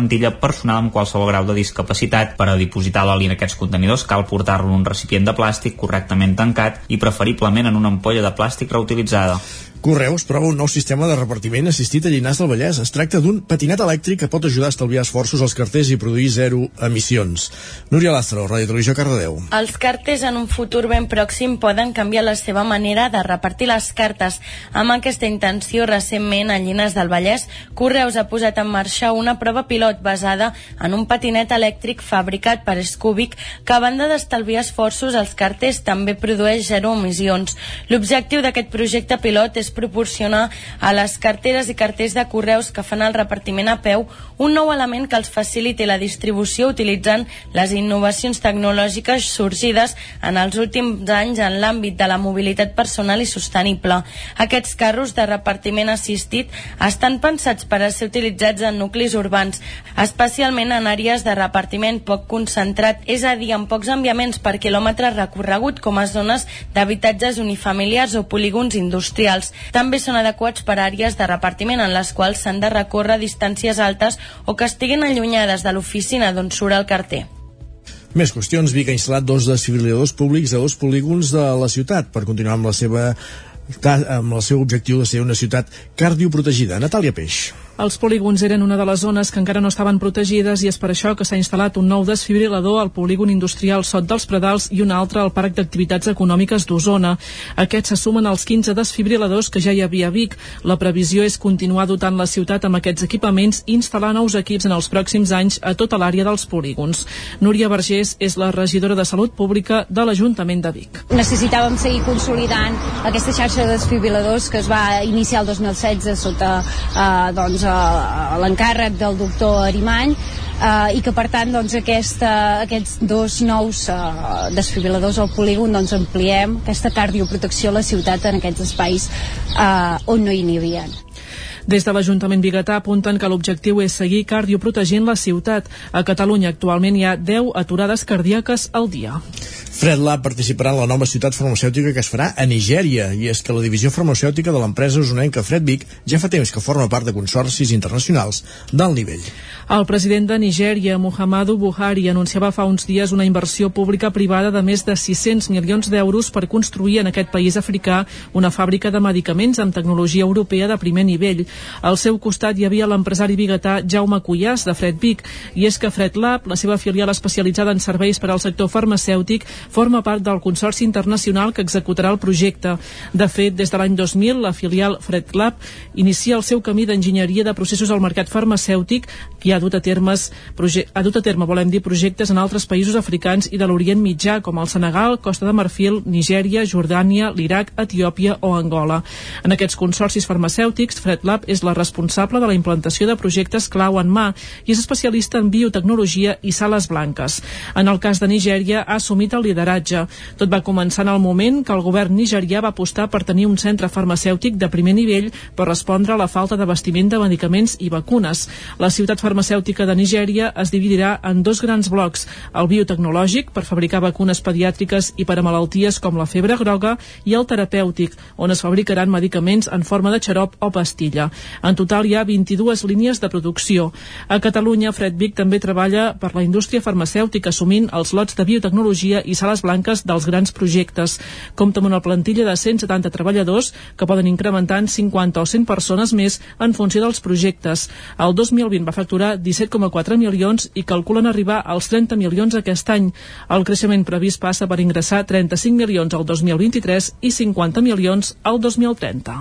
Fins al 10 de juliol està oberta la consulta sobre la segona festa local de Torelló, el dilluns de Recobrevera, o bé si es canvia pel divendres de Carnaval. Al voltant d'aquesta darrera opció, fa dies que us parlàvem de la campanya de la plataforma per Carnaval Festa Local, que, com dèiem, fa campanya a favor del divendres de Carnaval. Des de la Comissió del Santuari de Recobrevera, però, també estan de campanya defensant el dilluns de Recobrevera. La Comissió del Santuari de Roca Prevera també s'ha volgut posicionar públicament defensant que es mantingui la festa del dilluns de Roca Prevera documentada des de l'any 1870. Des de la Comissió lamenten que un festiu vagi en detriment de l'altre i asseguren que no tenen res en contra del Carnaval. També recorden que ja s'està treballant en la commemoració d'aquí a dos anys del centenari del temple actual i reivindiquen el dilluns de Roca Prevera com un dia de gran afluència i d'activitat a la plec. Miquel Sala és membre de la Comissió del Santuari. El dilluns de Roca Prevera és la tornaboda del diumenge de Roca Prevera, com ho és Sant Esteve per Nadal. És des del 1870 que hi ha informació, per tant parlem de 152 anys, que hi ha informació del dilluns de Roca Prevera. En relació a la consulta, consideren que el vot telemàtic està més a l'abast de la gent jove, en principi més partidària de fer festa per Carnaval, i per això animen els partidaris del festiu de Roca Prevera de fer ús dels, dels punts de votació físics a les oficines municipals de l'Espona i el Torelló Jove i també dels punts itinerants. Escoltem a Miquel Sala. Per votar telemàticament, primer t'has de registrar. Això vol dir nom i cognoms, posar un àlies i posar un correu electrònic. No tothom té correu electrònic, i això és així, està clar. Llavors, un cop t'has registrat, llavors pots fer la votació. Mm, és complicat. Hi ha gent que vota, també per Roca Barevera, i telemàticament només faltaria, però nosaltres el que aconsellem és fer-ho fàcil i que la gent vagi als punts de votació. La votació per decidir la segona festa local de Torelló es tancarà el 10 de juliol. El Club Atlètic Calderiu que organitzarà el Campionat de Catalunya Absolut de la Milla, Ona Codinenca, Caral Campàs. Tres mesos després d'organitzar el Campionat de Catalunya de Cross Court a la Torre Marimón, el Club Atlètic Calderí serà corresponsable d'una nova prova d'alt nivell. L'entitat, juntament amb el Club Atlètic Palau, l'Associació Rebetlla de Sant Pere i l'Ajuntament de Palau Solita i Plegamans, organitzarà el Campionat de Catalunya Absolut de la Milla. Serà el diumenge 3 de juliol a Palau de Plegamans, coincidint amb la milla urbana de Sant Pere la Sagrera. La prova es va presentar aquesta passada setmana a l'Ajuntament de Palau Solità i Plegamans, que serà qui acollirà la prova, i com és habitual en aquestes cites, les proves sènior aniran precedides d'una matinal de curses per categories d'edat masculines i femenines. En aquesta ocasió correran prebenjamins, benjamins, alevins, infantils, cadets, júniors, minis i veterans A, B i C abans de les curses reines. Les inscripcions de les curses per categories es poden formalitzar al web chipgrog.cat i per les del campionat sènior cal adreçar-se a la Federació Catalana d'Atletisme. I encara un altre punt esportiu, el bàsquet català ha batut aquesta temporada el rècord històric de llicències federatives femenines. La Federació Catalana de Bàsquet ha tramitat més de 27.000 fitxes, un augment que també s'ha notat a Osona. Precisament, el Club Bàsquet Tona aquest estiu faran un curs per formar noves entrenadores. No només el futbol femení viu un moment dolç, el bàsquet, que tradicionalment ja és un esport amb més federades a Catalunya, ha tingut un autèntic boom en els darrers anys. Aquesta temporada s'ha arribat a les 27.164 fitxes a la Federació Catalana, de les quals 643 són d'Osona. El Club Bàsquet Torelló han passat de 93 a 125 jugadores, el femení Osona de 233 a 290 i el Club Bàsquet Tona en tenen menys de 10 en tenen en menys de 10 anys, volem dir, han gairebé doblat la xifra i ara tenen un centenar de jugadores. Jordi Hormigo és el president del Club Bàsquet Tona. L'esport femení cada vegada està més, més present als mitjans de comunicació, també a les escoles, també eh, la gent veu que es pot jugar a bàsquet a qualsevol edat i això fa que no... Abans poder plegaven de jugar a una certa edat i ara volen seguir, això fa que tinguem equips júniors, sèniors, eh, sub-25 i no, no pleguen quan són cadets així, llavors fa que tinguem totes les edats i totes, totes les categories plenes de, de jugadores del club. De fet, les noies no només hi són presents com a jugadores. En l'última dècada s'ha registrat un increment de més de 4.000 fitxes entre jugadores, entrenadores, delegades, àrbitres, auxiliars de taula o directives. Aquest estiu a més a Tona hi faran un curs inicial per formar entrenadores. Jordi Hormigo. Comencem un curs d'entrenador nivell 0, que és el que és d'iniciació diguem de la federació, i tenim més de 20 nenes apuntades del club que llavors podran tindre la seva llicència com a entrenadora, perquè fins ara tenim llicència de delegada d'equip per poder acompanyar els equips, per l'any que ve ja podran exercir com a entrenadores, i per tant també tindrem llicències d'entrenadores, delegades d'equip, de jugadores, tant de, de qualsevol, de, de taula no, perquè ja també t'ho fa la federació, els taules federades, però també, sense tenir llicència, també col·laboren amb el club fent taules, per tant, estan integrades dins de totes les estaments, per dir d'alguna manera, del club. Tot i que encara hi ha molts més homes esportistes federats a Catalunya, en els últims anys s'ha passat de comptar amb una dona per cada 5 fitxes a una per cada 4 i en el cas del bàsquet la proporció ja és d'una per cada 3. Acabem aquí aquest repàs informatiu que començàvem a les 10 en companyia de Natàlia Peix, Isaac Muntades, Núria Lázaro i Caral Campàs. És moment al territori 17 de conèixer la previsió del temps. Saludem de nou tot seguit en Pep Acosta.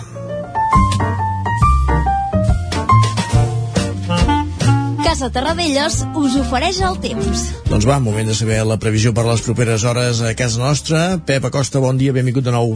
Hola, molt bon dia. I què ens espera avui? Què ens espera aquest dilluns, aquest inici de setmana? Tenim un petit front que ens està um, arribant des de l'oest de la península ibèrica, però a les nostres comarques jo crec que l'activitat del front no serà molt important sí que cap a l'oest de Catalunya serà més important a les terres de Lleida, al Pirineu, allà sí que pot ploure més i, i, i el front tindrà més incidència, però a casa nostra eh, poca cosa. Eh, les temperatures aquesta nit també han estat força fresques, la majoria mínimes entre els 15 i els 20 graus. Eh, es dorm molt bé, les nits són força fresques, eh, ambient normal, per l'època de, de l'any. I, i a la, de cara al migdia sí que poden créixer nuvolades, mm, pot ploure en algunes zona del Pirineu, Pepirineu, també cap a l'interior, però jo crec que seran tempestes poc importants, la majoria de precipitacions entre el 0 i els 5 litres. Les temperatures màximes molt a ratlla, eh, entre els 25 i els 28 graus de màxim, eh? res a veure amb les fortes calorades de fa eh, pocs dies. I això és tot, a disfrutar el dia d'avui, aviam si plou una mica a la tarda, tot i que jo crec que dic fa, plourà poc, però aviam si si s'anima en algun lloc i pot ploure una mica més del que està previst.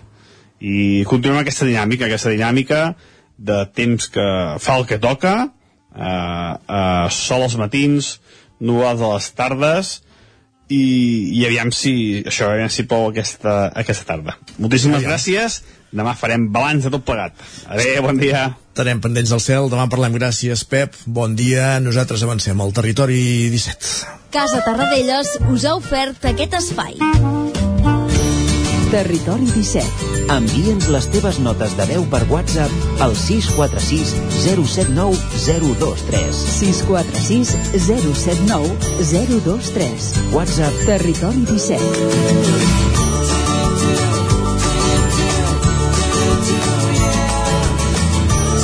Territori 17. Som a Facebook, Twitter i Instagram amb l'usuari Territori 17.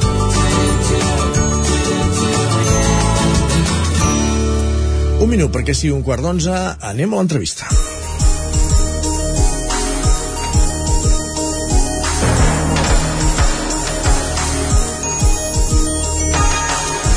El Centre d'Investigacions Arqueològiques d'Osona, el CIAU, el Museu Episcopal de Vic, el Museu d'Art Medieval i l'Espai Vic.0 de l'Ajuntament de Vic organitzen un cicle a l'entorn de la recerca arqueològica a la ciutat de Vic.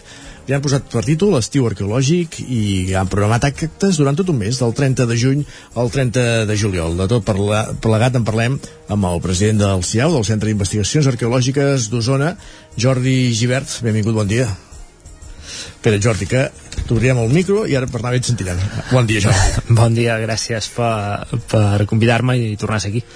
Uh, de fet no és gaire difícil convidar-te perquè de fet formes part de l'equip del programa però avui valia la pena uh, dedicar l'entrevista a aquesta, a aquesta iniciativa també eh? Sí, sí Molt bé, explica'ns una mica els objectius d'aquest estiu arqueològic Doncs mira, el, per la gent que no ens conegui el Centre d'Investigacions Arqueològiques som una, som una entitat de, de la comarca i, i d'aquí Vic que, que la formem els, els arqueòlegs uh, que, que d'aquí a la comarca o que treballen aquí a la comarca. I llavors eh, una de, un dels nostres objectius eh, a part de, de defensar matèries eh, relacionades amb la conservació del patrimoni i, i la història també és fer difusió de, de, de la nostra història de la comarca i feia temps que teníem ganes de, de recuperar una, unes activitats de difusió que, que havíem deixat arraconades tant per la pandèmia i, i abans per, per temes d'organització de, de, de l'entitat que, que la portem de manera voluntària. I llavors eh, aquest any vam decidir anar a trucar a la porta de, de diferents eh, entitats, institucions de, de Vic per, per poder llançar una, una proposta nova per engrescar a la gent de Vic que, que conegui part de la seva història i la feina que, que fan els arqueòlegs aquí a, a la comarca i amb aquest objectiu vam, ens vam acostar al Museu Episcopal i, i veient que van, van rebre eh, molt bé la, la, la proposta vam decidir eh, engegar aquest projecte per donar a conèixer tant els últims treballs com la pròpia història de, de Vic a, a la gent d'aquí a, a la ciutat. Això ho fareu a partir de, de, quatre, de quatre sessions, per entendre's, uh -huh. quatre activitats que, com dèiem, es faran entre el 30 de juny, que és aquest dijous, i el 30 de, de juliol, i com dèiem, comenceu aquest dijous amb aquesta eh, conferència a càrrec de Josep Maria Vila, arqueòleg, i de Marc Sureda, Conservació del Museu Episcopal de Vic sobre la catedral romànica de Sant Pere de la catedral de Vic, bàsicament eh? Exacte, és una, és una activitat que, que està molt orientada a divulgativa a, a la gent de Vic. En Josep Maria Vila ha fet les últimes excavacions en el, que és tot el complex de, de la catedral de Vic i per tant en, és, la, és una font de primera mà per, per conèixer uh, les noves investigacions que, que s'han fet uh, en aquest punt uh, de, de la ciutat que, que són molt interessants i a més a més va acompanyat d'en Marc Sureda que, que ha, ha fet la recreació, la reconstrucció a 3D treballant des del Museu Episcopal de, de com era aquesta uh, catedral romànica de, de Sant Pere uh, de, de Vic que, que es pot veure en el Museu Episcopal i que, i que clar, amb aquestes noves uh, recerques sempre es va actualitzant i, i van aportant més elements, més informació de com era aquesta catedral que, que encara està sota l'actual la, eh, església catedral de Vic i per tant eh, el que volíem era, era això, no? fer una activitat que, que ens ajudés a, a actualitzar una mica eh, de manera divulgativa tot el que normalment queda a nivell intern de, de que ho consumim els propis historiadors, arqueòlegs eh, al fons eh, també hem de des del sector també hem d'afavorir que tota aquesta informació arribi a, a la resta de la societat i principalment a la, a la gent d'aquí a la ciutat mm -hmm. Això es farà al mateix Museu Episcopal dijous, com dèiem, a les 7 de la tarda el dia 10 de juliol, diumenge, eh, el que es fa és fer una visita al que en els darrers mesos, anys i fins i tot durant la pandèmia ha estat el principal exponent de, històric de la ciutat, que és el, el Vic.0, eh, aquesta visita a l'entorn de, de l'església de, de la Pietat, l'origen de la ciutat de Vic, podem uh -huh. dir, aquest, aquest Vic.0, on fins i tot hi ha aquest mapping espectacular de, de l'evolució històrica de, de la ciutat. Eh? Sí, fem una, una visita diferent, especial, no és el que podem veure normalment eh, durant, si vas a visitar cada cap de setmana el, el Vic.0, sinó que és una visita feta pel, pel director de les excavacions, tant de les que s'han fet eh, aquests últims mesos com les primeres excavacions que es van fer ja fa uns, uns anys, que és l'Eduard Sánchez. Ell és, a, eh, és arqueòleg eh, d'arqueòlegs.cat i és el, el que ha dirigit aquesta aquestes uh, excavacions i clar, tindrem l'explicació feta amb tots els detalls que, que algú que ha estat uh, treballant i, i excavant aquesta uh, en aquesta direcció, en aquesta excavació arqueològica uh, ens dona més enllà de, de, de la visita que normalment està preparada uh, per, per un públic general, sinó que, que podem anar més al detall. A més a més, té, té l'interès que, que de fet ens pot explicar coses que no sap ningú, perquè com les excavacions excavacions a la part de, de la Pietat eh, que s'estan fet, que s'han fet fins ara fa, fa poques setmanes encara no, només en tenen la informació els arqueòlegs que, que hi han participat i, i de fet encara l'estan tractant i, i em recomano molt visitar fer aquesta visita perquè eh, precisament eh, hi ha informació que no coneixem ni els membres de, de l'associació d'arqueòlegs perquè encara no hem pogut parlar amb l'Eduard i que coneixerem precisament eh, el proper 10 de juliol i, i es poden apuntar a l'oficina de turisme de Vic trucant a l'oficina de turisme la, la visita és, és gratuïta. Havíem també apostat per, per aquestes activitats com eh, a ser activitats de festa major i per això també eh, tant l'activitat del 30 com del 10 de, de juliol són gratuïtes. Molt bé, uh, tenim sempre la imatge de l'arqueòleg picant uh, gratant amb un, uh, uh, uh, amb un pinzellet, pinzellet buscant restes però una de les iniciatives, una de les sessions que heu programat també va en la línia de, de les noves tecnologies que, aplicades a l'arqueologia, del workshop eh, i amb això és una taula que es farà el dia 16 amb diverses experiències mm. Sí que és una activitat oberta a tothom però sí que aquesta eh, la, la recomanem no? o l'havíem pensada eh, sobretot a aquelles eh, persones que són estudiants o, o arqueòlegs que, que, en, que es volen actualitzar i, i persones que tinguin interès en, en, la, en la matèria perquè eh, hem convidat a diferents eh, eh, especialistes de, mm, en aquesta matèria de, de l'aplicació de tecnologies 3D eh, en la recerca històrica. I ens explicaran, eh, ens donaran idees de, de com treballar-hi, de com utilitzar-les. Uh, bueno, farem, uh, començarem a les 10 amb membres del MEP i, i del CIAU faran la, la presentació del, del workshop i després convidem al doctor Xavi Rubio que és, un, és eminent uh, en el tema de la, de la utilització de, de la comptabilitació, computació de, en, en arqueologia sí. i, i llavors ell ens explicarà uh, com, com podem fer aquestes aplicacions en, a partir de dos temes pràctics un és el, el mar Adriàtic una recerca que estan fent amb la Universitat de Barcelona i l'altre el tenim aquí a la comarca que és a partir del jaciment de, de Puigciutat que és un de, dels referents en l'aplicació de, de noves metodologies arqueològiques no només aquí a la comarca sinó diria que a nivell de, de Catalunya i llavors eh, en Xavi Rubio és membre d'aquest grup de recerca i, i ens explicarà eh, detalls sobre, sobre com són aquests dos projectes perquè puguem tenir una idea de, de com utilitzar aquesta, aquestes tecnologies o aquesta metodologia. Uh -huh. eh, seguidament eh, eh, seguim amb Puigciutat, no? com hem dit és un dels referents en noves tecnologies i ens explicaran eh, com és la utilització de la fotogranometria i, i el GISP per entendre'ns una mica la fotogrametria Uh, s'està utilitzant molt ara uh, s'està aplicant en metodologies, metodologies arqueològiques i el que ens permet és que amb un seguit de fotografies uh, referenciades uh, ens ajuda a crear uh, imatges tres, en tres dimensions de, dels uh, elements arqueològics tant de peces com d'estructures uh, i això eh, a Puigcitant ho estan aplicant i a més a més ho, ho referencien en un, en un mapa digital diguéssim que, que utilitza el GIS, que és una, és una eina que utilitzaven els, els ramaders eh, eh, americans, canadencs, per situar les seves eh, terres, pastures -huh. i, i des del món de l'arqueologia s'ha adaptat d'aquesta manera eh, des de ja fa uns anys i, i aquí a Puigciutat es fa aquesta experimentació de metodològica que, que és tota aquesta feina que no es veu de l'arqueòleg que ens veus amb, normalment amb el que deies, no? a pic i pala i amb el pinzellet, i amb el pinzellet doncs eh, també ara el que, el que veiem sempre si us hi fixeu veureu un ordinador segurament al costat de, de la zona de treball o una estació total que ens ajuda a referenciar eh, tot el que anem trobant, tots els elements, que una de les coses eh, més importants en l'arqueologia és la documentació de tot el que anem trobant, anem generant un seguit d'informació que normalment eh, a simple vista no es veu, però que és el que ens dona tota la informació que des després ens permet reconstruir eh, el discurs que, que us presentem, com per exemple els dos de, de les primeres conferències que, que abans parlàvem. No? Doncs uh -huh. en aquest eh, workshop parlem d'això, d'aquestes tècniques.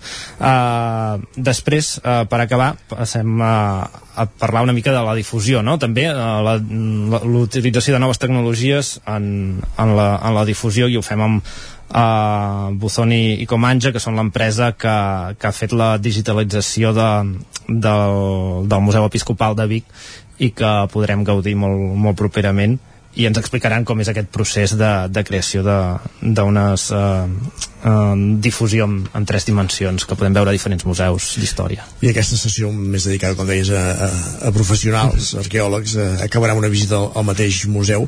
Aquest estiu arqueològic del que estem parlant avui, que organitzeu al CIO, el Museu Episcopal i el Vic.0, va lligat a la Festa Major de Vic i per això entenem que les activitats van totes lligades a, a l'arqueologia a la ciutat de Vic, però evidentment de jaciments n'hi ha diversos punts de, n'hi ha Mm. diversos punts de, de la comarca. Eh? Sí, uh, evidentment ara parlàvem de Puigciutat que està a, a Oristà, no? també tenim el Camp de les Lloses que ha inaugurat el nou centre d'interpretació a Tona, l'Esquerda a, a Roda de Ter, el Castell de Besora i tots aquells uh, elements uh, o jaciments arqueològics que, que, no estan, que no són visitables no? de fet uh, totes les excavacions arqueològiques que són a, aquí a Vic passa això, que com que estan en una zona urbana que normalment s'excaven per, per una obra eh, de, de construcció, no? Eh, es documenten, es tapa i, i no veiem, no? Els, els resultats eh, no queden reflectits en la trama urbana, però sí que queden eh, documentats. Uh, uh, espero que vagin sortint noves, noves excavacions si, si ens en anem fixant uh, o, en aquesta època d'estiu no? uh, veurem que, que diferents grups de recerca treballaran a, també a Tabertet treballaran a, a Folgueroles, al camp, al casal de Puig Castellet, o sigui, ja veurem que hi ha diferents excavacions eh, planificades per diferents grups de recerca que, que treballen aquí a Osona i que són molts d'ells membres de, del Centre d'Investigacions Arqueològiques d'Osona. El CIAU, que dèiem juntament amb el Museu Episcopal de Vic i el Vic.0 organitzen aquest estiu arqueològic del 30 de juny al 30 de juliol i el 30 de juliol acabarà amb una... els dissabtes 23 i 30 hi haurà una ruta arqueològica per la ciutat de Vic. N'hem parlat amb el president de, del CIAU, en Jordi Givert, moltes gràcies per ser avui aquí al territori 17, a casa teva també. Gràcies a vosaltres. Uh, parlem dimecres al, al territori sostenible, Jordi, fins llavors. Molt bé, fins després. Adéu, bon dia. Adéu. I avancem nosaltres al territori 17, tot seguit el que fem és una petita pausa per la publicitat, però continuem amb la resta de continguts previstos per aquest dilluns 27 de juny de 2022. El nou FM, la ràdio de casa, al 92.8. A la llibreria Mater hi trobaràs material escolar i d'escriptori, llibres, revistes i el millor regal. T'esperem amb una gran varietat de novel·les, llibres d'assaig, poesia, contes i moltes novetats editorials. I per anar ben equipat a l'escola tenim motxilles, estoig, carpetes, llibretes, bolígrafs i molt més. Recorda que amb la targeta client tens descomptes. Mater, llibreters amb vocació des de 1957. Llibreria Mater. Ens trobaràs al carrer Pla de Balanyà número 23 de Vic i a mater.cat. Tenim quaderns de vacances i les novetats amb motxilles i estoigs de la marca Kipling. T'esperem. A Bailen sabem que quan té una avaria a la seva caldera vol una solució ràpida. Truqui al servei tècnic oficial Bailen i els nostres tècnics vindran ràpidament a solucionar-li el problema. A més, si canvieu ara la caldera, us regalem fins a 300 euros. Truqueu al 910 77 88 77 o entreu a bailan.es. Cobertes serveis funeraris. Els nostres tanatoris estan ubicats en els nuclis urbans més poblats de la comarca d'Osona per oferir un millor servei. Tanatori de Vic, Tanatori de Manlleu, Tanatori de Centelles i Tanatori de Roda de Ter. Sabem que són moments difícils i per això el nostre compromís és atendre-us en tot moment amb un tracte humà, sensible i respectuós. Cobertes serveis funeraris. Telèfon 24 hores 93 883 23 46. Si tens pensat canviar la caldera o posar aire condicionat, posa't en mans de Pradell. Tenen les millors ofertes. Pradell instal·la calderes de biomassa, calderes de condensació, aire condicionat tant per a particulars com per a empreses. Apunta, Pradell, Avinguda Països Catalans, número 27 de Vic. Telèfon 93 885 11 97. Repetim, 93 885 11 97. El nou FM, la ràdio de casa, al 92.8. Cocodril Club. Si t'agrada la bona música dels anys 60, 70 i 80, escolta el 9 FM els matins de dissabtes i diumenges d'11 a 1. És el temps del Cocodril Club, tot un clàssic de la ràdio, amb les bases del pop-rock, les llegendes, les cançons que s'han convertit en autèntics himnes. Recorda, dissabtes i diumenges al matí, d'11 a 1, al 9 FM 92.8. Cocodril Club, el programa revival de l'Albert Malla. Hasta luego, cocodrilo. Anuncia't al 9FM. La màquina de casa. 9 3 8 8 9 4 9 4 9. Publicitat arroba al 9FM.cat. Anuncia't al 9FM. La publicitat més eficaç. El 9 FM, el 9 FM. En punt, dos quarts d'onze, al territori 17.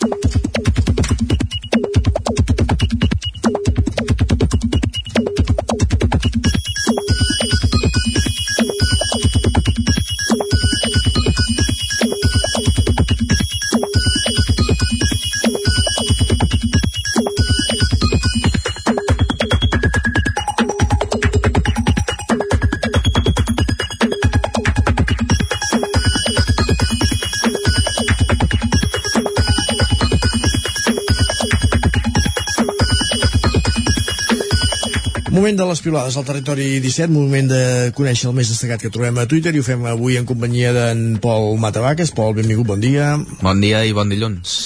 Què has trobat a Twitter?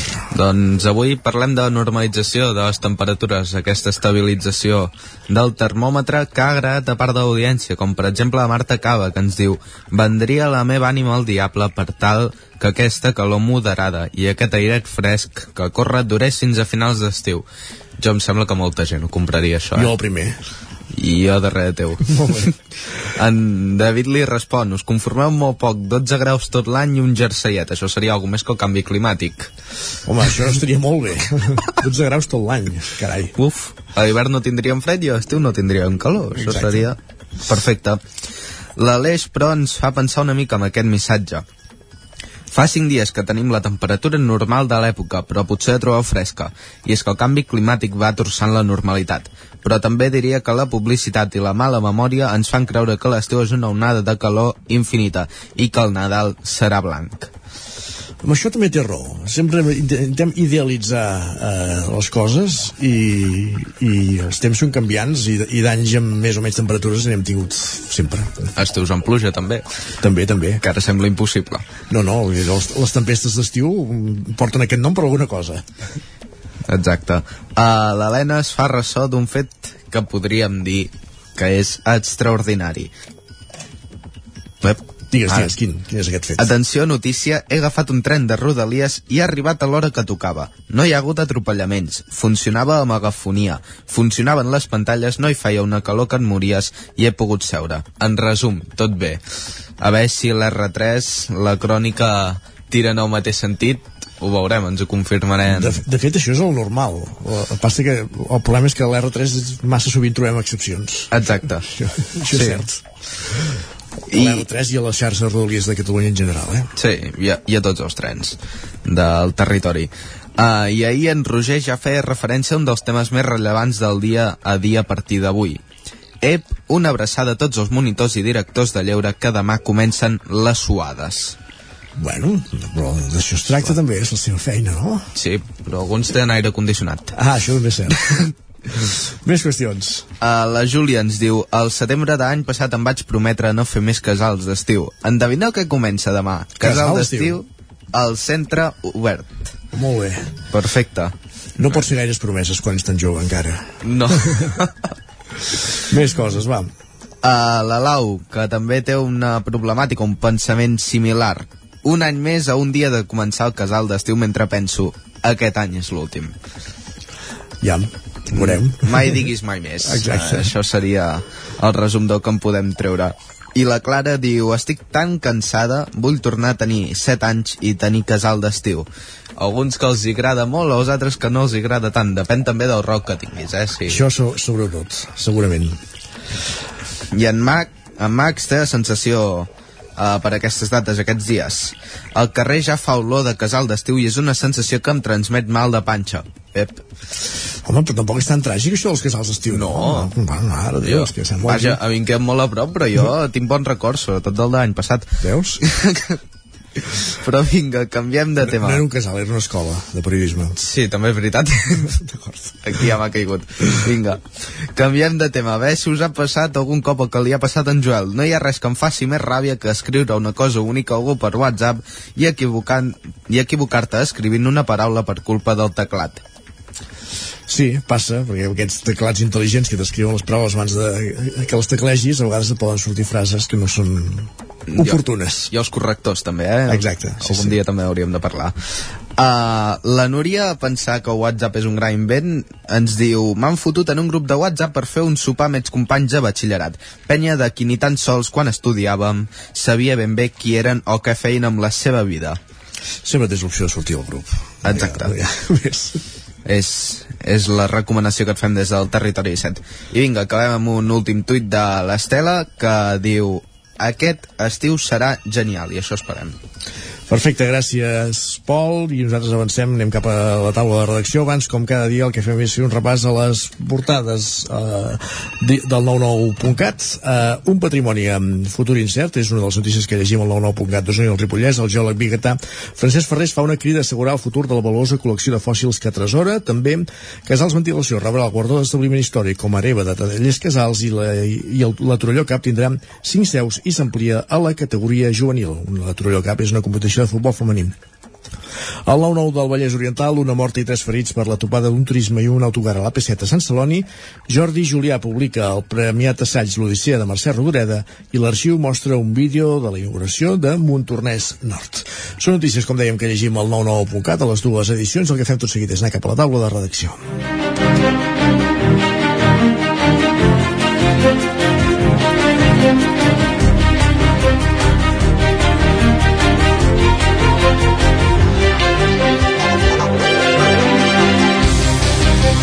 Taula de redacció en companyia avui de Guillem Freixa i de Miquel R. Guillem, benvingut, bon dia. Molt bon dia. Per parlar de la notícia malaurada de, del cap de setmana, que és aquesta mort i en un tràgic accident eh, mentre feinejava en una finca a pagès, l'alcalde del Brull i president de la comunitat del Plana, Ferran Teixidor. Sí, notícia colpidora la que vam rebre aquest eh, diumenge al matí eh, pels vols de dos quarts d'onze els Mossos d'Esquadra rebien l'avís que s'havia produït un accident en aquesta finca de Cal Cisteller a la zona de Sant Jaume de Viladrober, això és municipi del Brull, en què eh, explicaven que a una persona li havia caigut una bala de palla al damunt mentre feia aquestes eh, tasques agrícoles. Es tractava de Ferran Teixidor, de 51 anys, i com bé dèieu, eh, alcalde del Brull, del municipi del Montseny, i també president de la Mancomunitat La Plana, aquest ens supramunicipal eh, que agrupa diversos serveis en poblacions principalment del sud d'Osona. Com eh, apuntàvem, eh, Teixidor que es trobava a la seva finca, a la seva eh, casa de Cal Cisteller, estava feinejant i va patir aquest accident en què mentre maniobrava amb el tractor i estava amb unes bales de palla, doncs una d'aquestes li va caure a sobre provocant-li la mort. Eh, La notícia ha generat molt impacte a la comarca d'Osona, on Teixidor era molt conegut, eh, un Ferran Teixidor que es va estrenar a l'Ajuntament del Brull l'any 1991 com a regidor i va ocupar aquest càrrec en l'equip de govern encapçalat per Josep Montal dels Independents fins al 1999. Va haver-hi un parèntesi de 4 anys i va tornar el 2003, de nou també com a mà dreta de Josep Montal, i va ser el 2007 quan ja va ser cap de llista, va guanyar i va aconseguir revalidar el càrrec d'alcalde del Brull en els comicis del 2011, el 2015 i el 2019. Per tant, una trajectòria dilatada en la política municipal, municipal i de fet aquesta és una de les característiques que li remarcaven eh, les diverses personalitats, també institucions, eh, entitats que durant el dia d'ahir i també encara en les hores d'avui han anat desgranant eh, la figura de Ferran Teixidor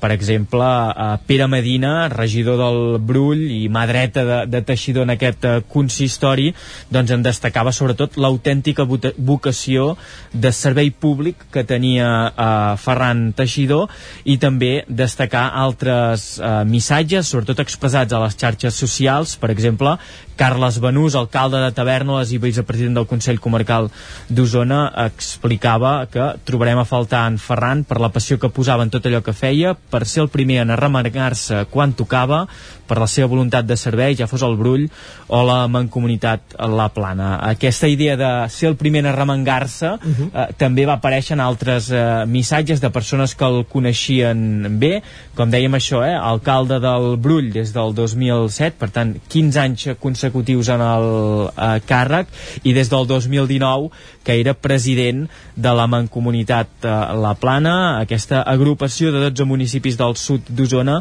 on eh, les eleccions del 2019 van deixar un panorama força complex i Teixidor va acabar sent escollit com a persona de consens, per tant també ja diu molt de la consideració que rebia dels seus eh, companys eh, Ferran Teixidor, amb 51 anys que va perdre la vida aquest diumenge al matí i ara s'està a l'espera de saber eh, quan serà la vetlla i també l'acte d'enterrament que s'haurà de conèixer en les properes hores. Gràcies, Guillem, per portar-nos aquesta trista notícia avui a l'antena. Adéu. Adéu-siau. Continuem amb la taula de redacció i ara en companyia de, de Miquel R, parlant de, de la biblioteca de Vic, de la nova i de la vella, perquè la setmana passada tancava les portes la biblioteca Joan Triadú i ja no les tornarà a obrir i la gràcia és aquesta imatge que veieu a la avui a la portada del 9-9 amb nens i nenes carregant maletes de llibres que tornaran al setembre a la biblioteca, eh? Correcte, a principis d'octubre concretament, a partir de, del 10 d'octubre que ja està fixada l'obertura oficial, el 7 hi haurà la inauguració, però els usuaris podran tornar a la biblioteca per de, a partir del 10 d'octubre i és clar, tancant durant aquests mesos que són els que necessitaven per fer el trasllat, un trasllat eh, que ens recordava el personal feixuc, eh, estem parlant de més de 80.000 llibres, per tant s'ha de seleccionar molt bé, s'ha de traslladar molt bé perquè tornin a ocupar, diguéssim, les noves eh, prestatgeries ja de la, de la biblioteca Pilarín Vallès, però Joan Triadú com a tal com a biblioteca, passa pàgina, passa pàgina i tanca una etapa de 26 anys d'història. Recordem-ho, va obrir l'any demà de Sant Jordi de 1996 i ha tancat això, eh, la rebella de Sant Joan, de 2022, no? dues dates un, un punt simbòliques i tot que, que, que enmarquen una mica la història d'aquest equipament. Recordem que sí, doncs que eh, sabent que tancaven, molta gent ha aprofitat per, per dotar-se de lectura per tot l'estiu i per tant eh, eren diversos els que els últims dies feien una carregada de 10-15 llibres, eh, un pilot de llibres que carregaven cap a casa per, per, tenir per, per no quedar sense lectura amb tot l'estiu, que, és, que també és d'agrair que hi hagin, que ens quedin tants lectors. Eh, recordar que aquest edifici que ha ocupat la biblioteca eh, municipal Uh, és molt bonic aquest antic convent del Carme. La, jo, jo reconec que, que, que, que com a edifici uh, l'alçada, les columnes eh, d'aquest antic d'aquest antic convent i aquest claustre d'aquest antic convent del Carme realment uh, l'aparença era molt bonic però era com a biblioteca poc pràctica ens ho reconeixien els mateixos bibliotecaris. Uh -huh. a cap d'un dos anys ja de seguida va quedar petita per, per emmagatzemar tots els volums. A més a més clar, era un edifici que no estava pensat com a biblioteca i per tant tenia els seus inconvenients, tenia fins i tot ha tingut goteres, feia pudors, no estava climatitzat, per tant eh, fred a l'hivern, calor a l'estiu. Per tant eh, sí que eh, així com hi havia molts usuaris que marxaven amb un punt de nostàlgia perquè ja han, alguns ja han crescut a dins d'aquest edifici no? i van, van començar a, a la zona infantil llegint llibres infantils, han passat a la d'adults gent que ja ha passat moltes hores en aquest edifici per tant hi ha aquest punt de nostàlgia. Per part del personal de nostàlgia gens ni mica molta il·lusió per encetar la nova etapa amb ganes d'entrar en un edifici amb un equipament que sí que sembla que serà allò de, de primera divisió Perfecte, doncs ho anirem seguint això, els, els que van a buscar llibres la setmana passada tenen lectura per dies, per l'estiu i a l'octubre a la Biblioteca Vic, aviam si la podem estrenar. Correcte. Gràcies Miquel. Fins ara. Bon dia,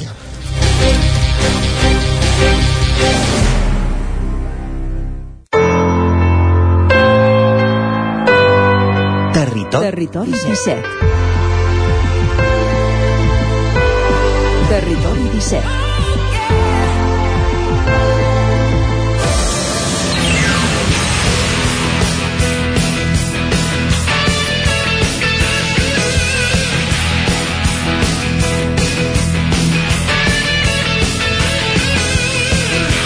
Un minut perquè sigui tres quarts de- d'onze al territori 17 avancem. A mitjans del mes de maig i en plena festa major de Ripoll l'hoquei Club Ripoll va aconseguir un ascens increïble a la primera nacional catalana després de derrotar la fase final a la Seu d'Urgell primer el Valls per 2 a 6 i després el Farners per 2 a 5 en dos grans partits dels ripollesos.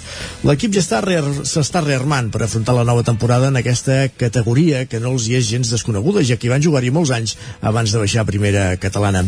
La veu de Sant Joan, Isaac Muntades, bon dia Bon dia, Isaac. Doncs sí, i avui tenim al telèfon l'entrenador de l'Hockey Club Ripoll, en Francesc Carmona, que afrontarà aquest nou repte amb molta il·lusió i també amb molta responsabilitat la temporada vinent i que ens parlarà una mica de, de tot aquest ascens i de tot el que suposa doncs, eh, eh, el que vindrà la temporada que ve. Bon dia, Francesc, i moltes gràcies per atendre'ns. Bon dia, gràcies a vosaltres. Uh, Francesc, per començar, l'Hockey Club Ripoll uh, va acabar tercer a la primera fase i quart a, a, a la segona. Uh, per exemple, el Farners, l'equip que vareu derrotar a la final d'ascens, us va treure 11 punts de diferència. No sé si l'ascens també va ser una mica inesperat, si poder uh, en aquella fase final era una mica la, la ventafocs i vau sorprendre tothom, no? Perquè què, què n'esperàveu al principi de la temporada? Era l'objectiu, l'ascens? Home, l'objectiu objectiu prim, primari no era, no era l'ascens, evidentment. Sí que era estar a la part alta de, de la classificació i, home, el que sí que esperàvem era l'evolució de l'equip al llarg de l'any, no? O sigui, hem treballat molt, jo crec que hem treballat d'una forma molt sistemàtica durant l'any. Uh, L'equip era molt nou, s'havia de reajuntar, s'havia de reestructurar i, i s'havia d'agafar el sistema que, que jo plantejava de, de joc des de l'inici de temporada, que era algo molt nou per tots. I, i crec que al final arribem, arribem amb, amb condicions molt bones perquè tot aquest treball de durant l'any és, el que, és el que ens porta no? a, a poder competir de, de la forma que vam competir a, a la fase de play-off. van ser dos partits en aquest playoff rodons no? pel, pel Ripoll que va fer aquell, que, que aquell cap de setmana fos tan màgic a, a la seu d'Urgell El grup. Sí, jo crec que és la, sí, jo crec que és la, la síntesi ràpida, el grup. Hi va haver tot un treball de, de motivació, de coaching que, que es va fer des, de, des del cos tècnic. Uh -huh. uh, el segon entrenador, el Moi Aguirre, va preparar uns vídeos motivacionals per, per just abans dels partits, uh, just abans de les sessions de, de, de vídeo que ja es feien de, del, dels propis rivals i, i crec que tot això junt amb, amb que estàvem tots junts en un hotel i, i que el grup realment s'havia enfortit molt durant l'any crec que és el que va fer que, que competíssim de la forma que vam competir. Mhm. Et volia preguntar, aprofitant això que comentes, eh, el grup i també i també l'afició, oi, Francesc? Perquè, tot i ser festa major de Ripoll, vam poder veure alguns vídeos de, de la gent que us havia acompanyat fins a la seu d'Urgell, que tampoc és aquí al costat, precisament, eh, i, i teníeu molta, molta afició per ser festa major. Éreu els que teníeu més afició? No sé si això també va influir d'alguna manera. Home, el fet de que, de que l'afició pugi jo crec que és clau, eh? Vull dir, una de les coses importants que tenim a casa i crec que si es miren els resultats es veurà que a casa hem, hem seguit molt, molt, molt, molt pocs punts és, és justament que, que, que ve molta gent al pavelló i que, i que ens sentim molt, molt, molt recolzats, no? I el fet de que es desplacessin fins a la seu, que era un viatge llarg i complex, perquè a més a més era festa major, no? Uh, hosti, és molt d'agrair. Realment, realment, jo crec que va ser, va ser un factor molt, molt important. També és cert que els altres equips portaven públic, eh? Però, però nosaltres, jo crec que ens vam sentir molt recolzats perquè és que tot l'any hem, hem, ens hi hem sentit. O sigui, la gent de Ripoll sempre ha respost molt, molt, molt, molt bé. Uh, ara ha passat un mes i mig, Francesc, però com van anar aquells dos partits? Uh, la diferència va ser voltant al marcador. Va ser realment així? Uh, L'equip va, va estar molt bé, no? Sí. Uh, jo, mira, jo crec que es va basar molt en, en el treball que havíem fet previ, no? O sigui, ens vam estudiar molt els rivals, vam aconseguir vídeos de, del Valls, que era un equip amb el que no havíem jugat durant l'any, el Farners el teníem molt, molt estudiat de, de durant la temporada, i, i a més a més crec, crec que hi va haver tot un treball molt, molt important les setmanes prèvies, no? O sigui, vam, vam fer partits amistosos amb equips d'hoquei plata, o sigui, vam, vam intentar treballar molt, molt, molt pensant en el, en el dia a dia del partit, no? Crec que l'equip va defensar extraordinàriament bé i que això és un factor determinant.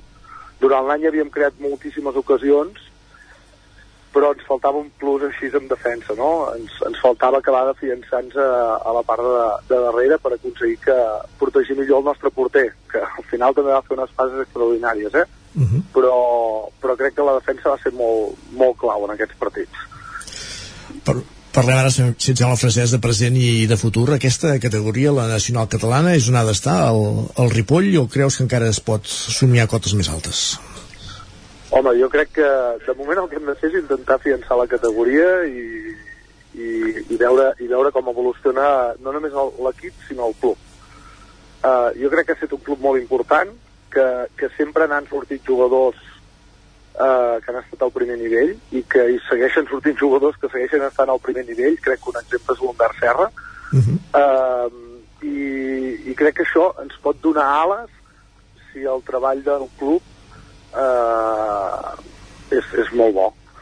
Uh, si recupera una mica doncs, la, la, no sé, la- l'ànsia de treball i, i l'estructura que hi havia hagut en el club.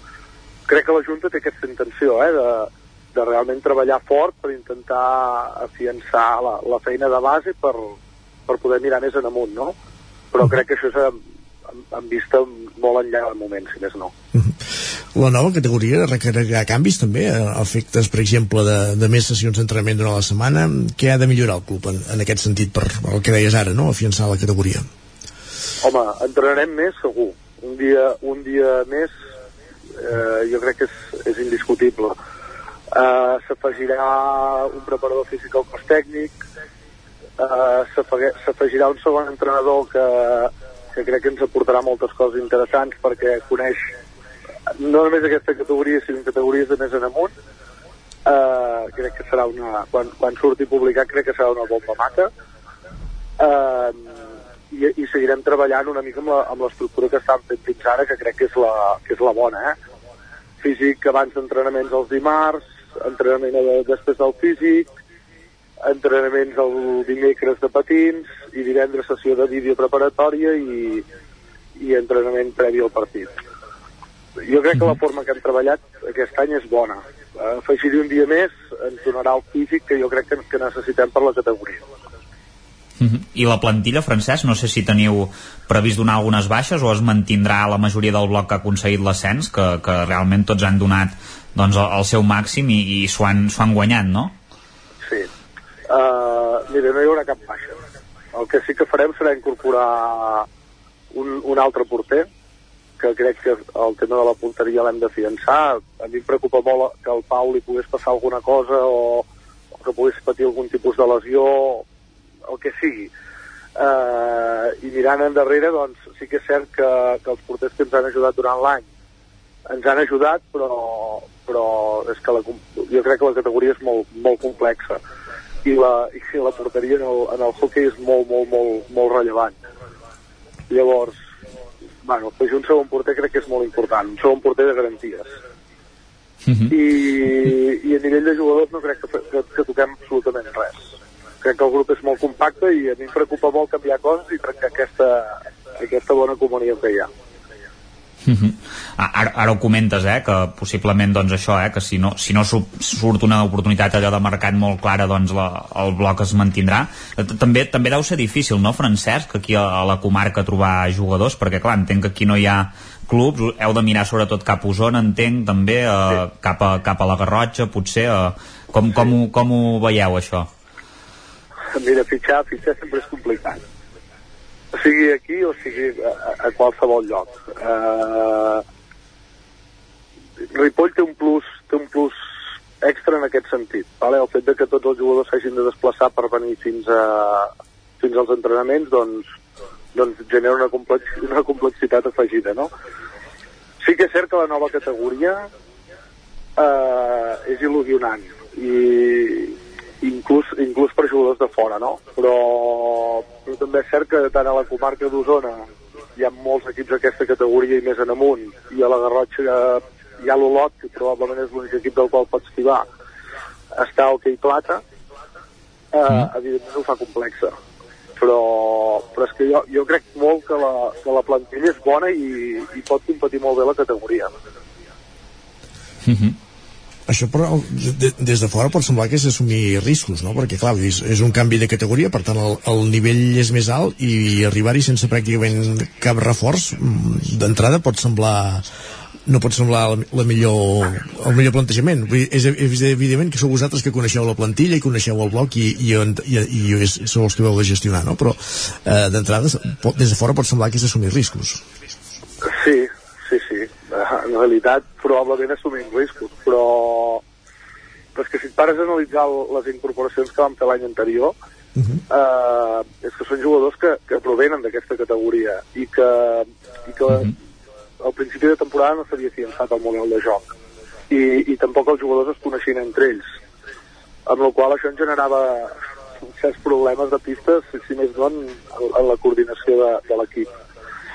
Um, home, jo crec que el fet que abans potser és eh, en Jaume Ferrer que, que renova i el tenim una temporada més crec que és un, un factor molt, molt important per l'equip Uh, el Pau Aparicio, que és un jugador que venia de Congrés, d'estar competint les finals els anys anteriors per pujar hoquei plata, també crec que és un jugador que, que serà important. A, ja ho ha estat aquest any i crec que l'any que ve també ho serà més. Pau Solà i, i Bernat Noguer, que venien de Vic, eh, el Solà havia competit hoquei, hoquei Lliga amb el Vic, eh, el Bernat havia competit campionats de Catalunya i d'Espanya a categories base, i la gent de Ripoll, els que ja hi eren, crec que han fet passos importants endavant com per confiar en ells. No? Uh -huh. A més a més, també hi ha l'Oriol Cabré, que venia de Matlleu, que, que recupera el club, diguem-ho així, i que també és un jugador que, que ha competit a màxim nivell i, i, i les categories de nacional catalana també, no? Llavors, mm. jo crec que s'ha de donar una mica de confiança al grup. Mhm. -huh. Ara ho comentaves, eh, també alguns jugadors de, de Ripoll, per exemple el David Martín, que també va fer una bona fase final, no? Uh, ho comentaves ara, eh? s'ha de donar aquesta confiança, eh? que a vegades també treballar una mica amb el que ha vingut de, jugant durant molt temps a, aquí a Ripoll, eh? Uh, és el que comentaves. Sí. Jo el David Martín crec que és, és un dels jugadors que qualsevol entrenador hauria de poder tenir un any a, al seu equip, no? perquè hosti, és, és un tio que el nivell d'implicació, el nivell d'esforç personal per créixer i adaptar-se al sistema ha fet, ha fet molt important. Jo crec que va començar la temporada sent diguem-ho així, un sisè, setè jugador i, i per mi ha acabat sent un titular indiscutible. Mm -hmm. Eh, et volia preguntar també, ja ho, ja ho has apuntat, eh, però la renovació de Jaume Ferrés, que, que ho comentàvem, eh, clar, és un jugador que, que, arriba, que ha jugat a categories molt altes i que realment és, és una estrella no dins d'aquest bloc, eh, realment, que, que, que està molt ben conjuntat, però realment sí que destaca sobretot en l'apartat golejador uh, comentes això, eh, que seguirà en principi un any més, uh, no sé quan, ara quants anys té i, i si el veus molts més anys perquè entenc que també és un factor diferencial, oi, per l'equip? Factor diferencial i, i importantíssim. Jo diria que és pràcticament l'ànima de l'equip, no? Però mm, també és un jugador que és gran, que, que ha competit molt i, i que vulguis en la feina i la família doncs, doncs l'apreten també, no? Uh, un any més segur, perquè ja, ja ha renovat i, i és una que ja està fet i crec que en els propers dies s'anunciarà la renovació. Però, però sí que és cert que se li acaba el cicle jo crec que seguirà vinculat al, al Ripoll perquè jo crec que és un tio que s'estima el club però, però sí que és cert que haurem de pensar en, en un futur en buscar-li en buscar-li un recanvi o, o, o intentar incorporar més jugadors que ens puguin aportar una mica la, la, la qualitat que el Jaume ens aporta a pista. Mm. per exemple, ja sigui a, a la secretaria tècnica d'alguna manera o, o que pogués fer alguna funció també d'entrenador de, també al, al teu costat, Francesc, podria, podria ser, no, això, per en Jaume Ferrés? Sí, sí, podria ser, fins i tot fins i tot crec que assumir, assumir la banqueta del primer equip, eh? Vull dir, crec, que és, crec que és una persona que està capacitada per, per, per portar a terme qualsevol d'aquestes funcions. Això... Crec, crec que és molt important que s'estimi el club. Mm -hmm això però d'assumir la banqueta ho farà un any més d'entrada a eh, Francesc Carmona amb qui hem estat parlant, conversant valorant aquesta temporada de l'Hockey Club Ripoll que li ha permès doncs, pujar eh, a la Nacional Catalana on disputarà la temporada vinent. Com ens deia, afegint un porter a la plantilla però mantenint el bloc de la temporada passada. I amb aquesta sorpresa que ens queda per desvelar els propers dies que serà aquest segon entrenador que, que incorporarà aquesta mà dreta que incorporarà a la banqueta Francesc, moltíssimes gràcies per atendre'ns i sort amb aquesta nova empenta després de les vacances, eh? Moltíssimes gràcies. Bon dia. Bon dia. Gràcies, Isaac, també per acompanyar-nos en aquesta entrevista i el que fem nosaltres és avançar aquí al territori 17. Com bé han observat els nostres oients, avui dilluns, que normalment el que fem és repassar esportivament com ha anat el cap de setmana, tenint en compte que, que l'activitat va a la baixa, el que farem en aquests propers dies que falten per acabar la temporada és això, fer balanç de temporada amb els seus protagonistes, i avui ha estat el cas de l'Hockey Club Ripoll de, de Francesc Carmona, l'entrenador de l'Hockey Club Ripoll que aconseguia, com dèiem, fa aquestes tres setmanes a la Seu d'Urgell aquest ascens a la nacional catalana. Uh, N'hi ha més de protagonistes ripollesos, Isaac, o no? Em sembla que ja, que ja no, que ens queden poques setmanes i em sembla que ja no. Perfectíssim, moltes gràcies per acompanyar-los, parlem més tard. Fins després. I nosaltres avancem al territori 17, tot seguit el que fem al punt de les 11 serà actualitzar-nos.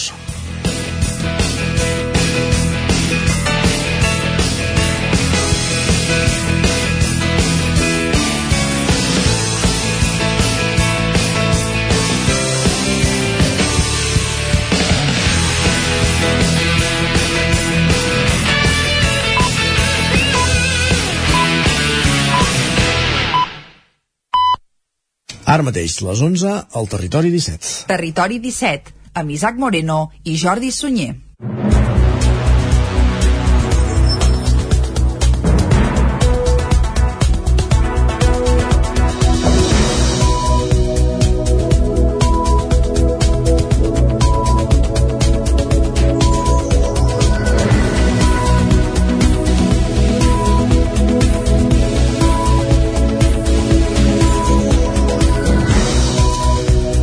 Mor Ferran Teixidor, alcalde del Brull i president de la Mancomunitat La Plana. Teixidor va morir ahir diumenge al matí quan va patir un accident mentre treballava amb el tractor a la seva finca. Cap a dos quarts perdó, cap a dos quarts d'onze del matí d'ahir diumenge els Mossos d'Esquadra van rebre l'avís que una bala de palla havia caigut sobre una persona que es trobava fent tasques agrícoles a casa seva. Es tractava de Ferran Teixidor, de 51 anys, alcalde del Brull i actual president de la Mancomunitat La Plana. Teixidor era alcalde del Brull des de l'any 2007 i anteriorment ja havia estat vinculat a l'Ajuntament com a regidor i primer tinent d'alcalde. Des del 2019 també era president de la Mancomunitat La Plana, l'ens supramunicipal que agrupa diversos pobles del sud d'Osona. El descens del termòmetre després de l'excepcionalitat de l'onada de calor i les pluges de la setmana passada van rebaixar el risc d'incendi durant una rebella de Sant Joan que es va desenvolupar sense incidències importants a Osona. Tot i que la Generalitat no va aplicar restriccions generalitzades en alguns municipis osonencs com Sant Martí de Centelles o Muntanyola, es van prohibir les fogueres i els petards per la proximitat del bosc. Les pluges dels darrers dies, tot i que poc importants pel que fa a la quantitat, van contribuir a refrescar l'ambient i a situar el termòmetre en uns registres més habituals per l'època després de l'onada de calor de fa uns dies. Als observatoris d'Osona, on el dijous 16 de juny s'havia arribat a registres més alts, d'entre 36 i 38 graus, el dia de la rebella de Sant Joan el termòmetre n'assenyalava entre 27 i 30. Amb aquesta situació, la Generalitat va descartar prohibir els petards i aplicar restriccions generalitzades durant la rebella. Diversos ajuntaments, però, sí que van emetre bans recordant que no està permès encendre fogueres ni utilitzar pirotècnia a menys de 500 metres del bosc. I alguns municipis van estendre la prohibició a tot el terme municipal. És el cas de l'Esquirol, Muntanyola o Sant Martí de Centelles, que tenen la massa forestal molt a prop dels nuclis habitats. Núria Roca és l'alcaldessa de Sant Martí de Centelles. El bosc està molt a prop i, més val prevenir que curar. Jo suposo que de, moment a dia d'avui ningú se'ns ha queixat quan prens decisions d'aquestes sé que no estan al gust de tothom suposo que deu haver-hi algú que, que li agraden molt els petards i que deu haver pensat que potser han sigut una mica massa dràstics però, però penso que hem fet bé L'estiu es preveu crític pel risc de grans incendis forestals. La prevenció davant dels focs és una de les tasques que desenvolupa el Servei de Protecció Civil del Consell Comarcal d'Osona. Ho remarca Pere Medina, conseller comarcal de Protecció Civil no tenim grans indústries, no tenim situacions que generin molt risc, però evidentment mm, ens afecta la fo de forma global que el canvi climàtic segur que s'accentuaran situacions, onades de calor, eh, incendis que poder ens arribaran, poder no seran inició a la comarca d'Osona, però ens pot arribar un gran incendi forestal des del Bages, des d'altres comarques, que sigui tan gran que ens, que ens arrossegui, per dir-ho així, i que no hagi capacitat d'extinció des dels serveis d'emergència de la Generalitat. Des de la seva creació fa 12 anys, el Servei de Protecció Civil del Consell Comarcal d'Osona comptava amb un tècnic, Albert Trabal. Recentment, i gràcies a un conveni amb els ajuntaments de Vic i Manlleu, s'hi ha incorporat un segon tècnic, Salvador Borrell.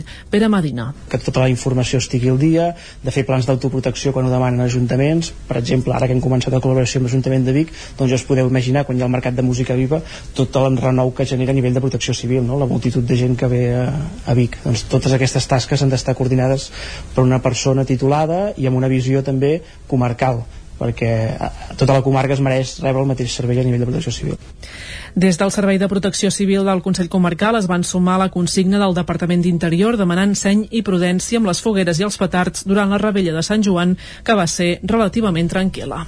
La consellera de Presidència Laura Vilagrà va visitar Vic dijous per conèixer de primera mà dos dels principals projectes esportius que té la ciutat, el Circuit d'Osona i el Centre de Tecnificació Esportiva que vol acollir la capital d'Osona. Pel que fa al Centre de Tecnificació, la consellera no es va voler mullar i només es va comprometre a estudiar-ho. Vilagrà ja coneixia la ciutat i l'havia visitat com a delegada del govern a la Catalunya Central, però oficialment com a consellera encara no havia estat al consistori biguetà. És per això que el primer que va fer va ser firmar el llibre d'honor. Després es va reunir amb l'alcaldessa Anna R per conèixer de primera mà dos dels principals projectes esportius que té Vic. En primer lloc, R va demanar a Vilagrà que la Generalitat s'impliqui en les millores que s'estan fent al circuit d'Osona, un equipament municipal que la consellera va anar a visitar presencialment després de passar per l'Ajuntament. L'alcaldessa també li va demanar que la Generalitat assumeixi el compromís de tirar endavant el Centre de Tecnificació Esportiva que vol acollir Vic. En aquest sentit, però, la consellera va ser molt prudent i no es va voler comprometre. Escoltem a Laura Vilagrà. Nosaltres tenim els nostres tempos també per valorar doncs, en quin moment podem impulsar un centre de tecnificació.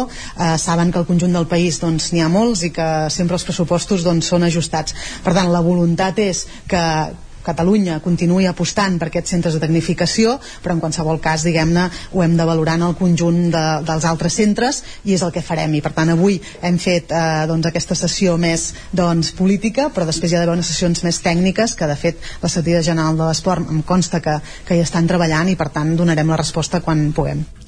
La visita de Vilagrà a Vic va acabar al circuit d'Osona, on va conèixer de primera mà les noves instal·lacions i va comprovar l'estat de les obres que s'hi estan fent. La regidora xenòfoba de l'Ajuntament de Ripoll, Sílvio Royals, confirma que serà la candidata de l'Aliança Catalana a les pròximes eleccions municipals. Isaac Muntades, la veu de Sant Joan. El panorama electoral de Ripoll es va aclarint a poc a poc de cara a les eleccions municipals que s'han de celebrar el mes de maig de l'any vinent. Manoli Vega i Chantal Pérez ja van ser confirmades pels seus partits per encapçalar les llistes de Junts per Catalunya i Esquerra Republicana de Catalunya. Fa pocs dies, una altra dona, Sílvia Oriols, va anunciar que tornaria a concórrer als comicis municipals aquesta vegada sota les sigles d'Aliança Catalana, el partit fundat per ella mateixa i no pel Front Nacional de Catalunya, que va abandonar el març del 2020 per algunes discrepàncies amb la direcció del partit, passant a ser regidora no escrita. Durant aquests tres anys de mandat, Oriols ha fet una oposició dura amb discursos abrandats i posant el focus amb la immigració, sobretot musulmana amb arguments xenòfobs. Tot i presentar algunes mocions interessants en altres matèries més del dia a dia de la gestió municipal, la resta de grups li han fet un cordó sanitari i pràcticament cap de les seves propostes ha prosperat. Només en alguna ocasió molt comptada, Esquerra i Junts han votat a favor de les seves mocions.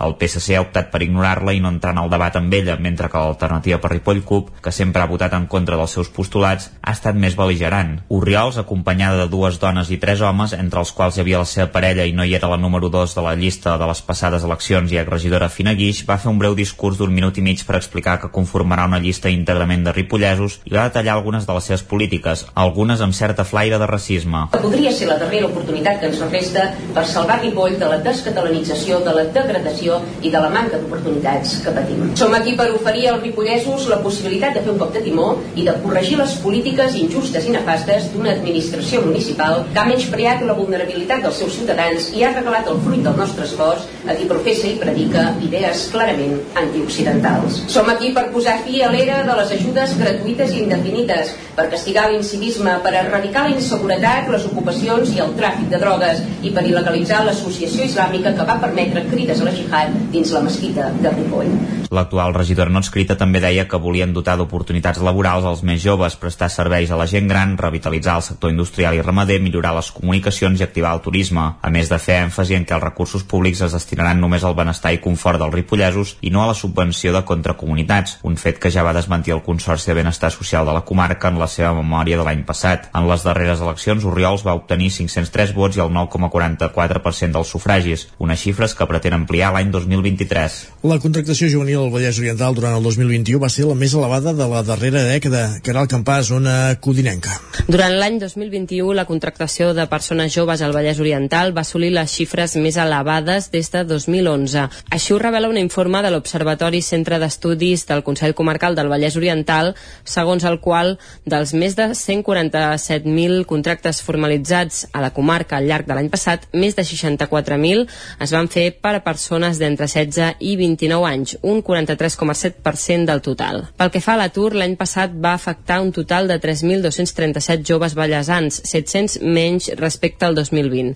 Per sexes, l'atur juvenil entre les noies va ascendir a 1.942 persones l'any 2020, una xifra que el 2021 s'ha rebaixat a 1.614, un 20% menys.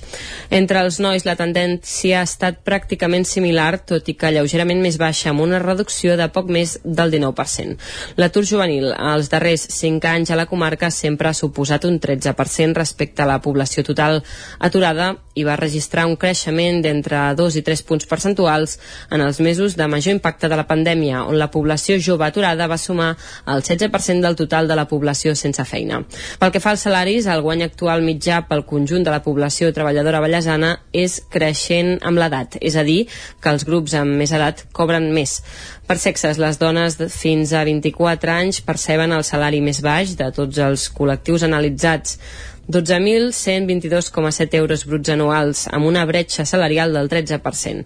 De la mateixa manera, en el grup d'edat de 24 a 34 anys també es dona aquesta dinàmica. Les dones guanyen 2.759 euros menys que els seus homòlegs masculins, amb una bretxa salarial del 12%.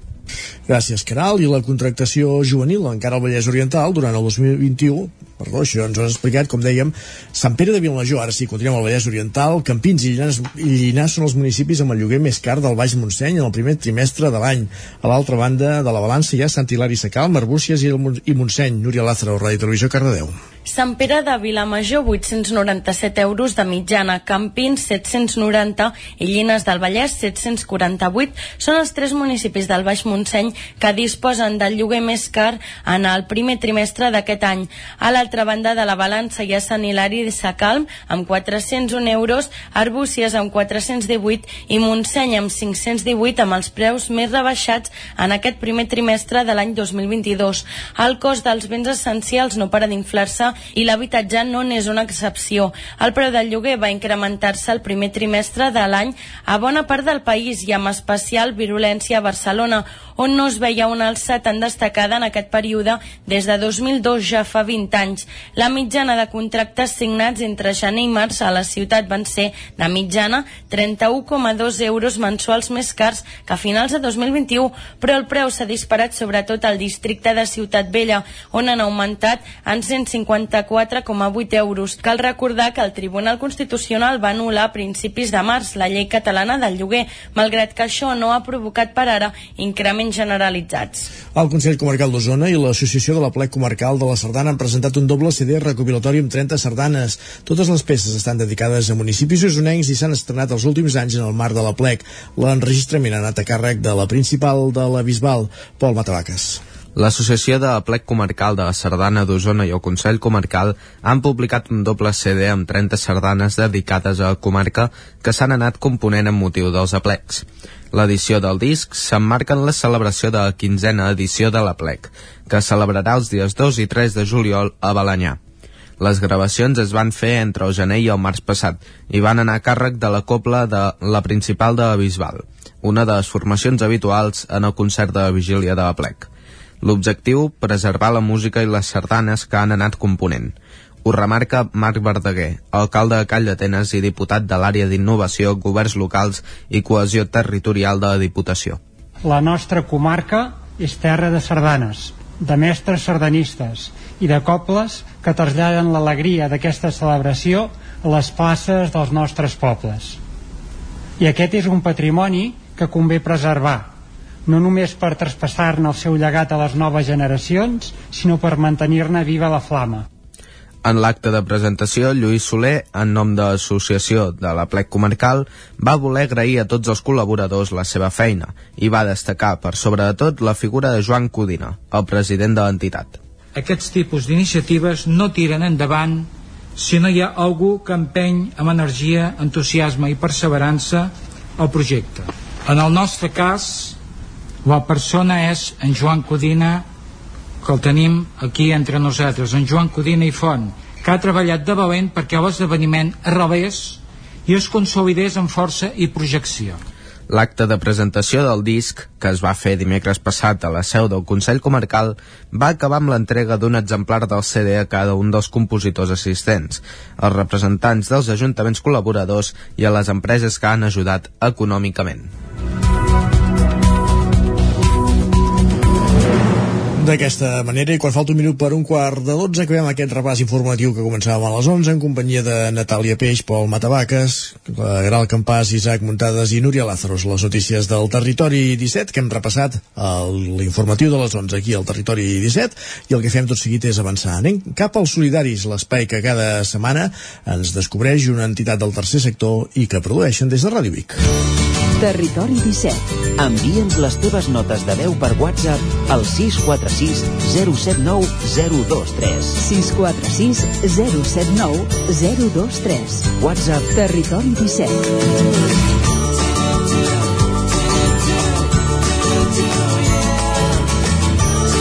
Territori 17. Som a Facebook, Twitter i Instagram amb l'usuari Territori 17.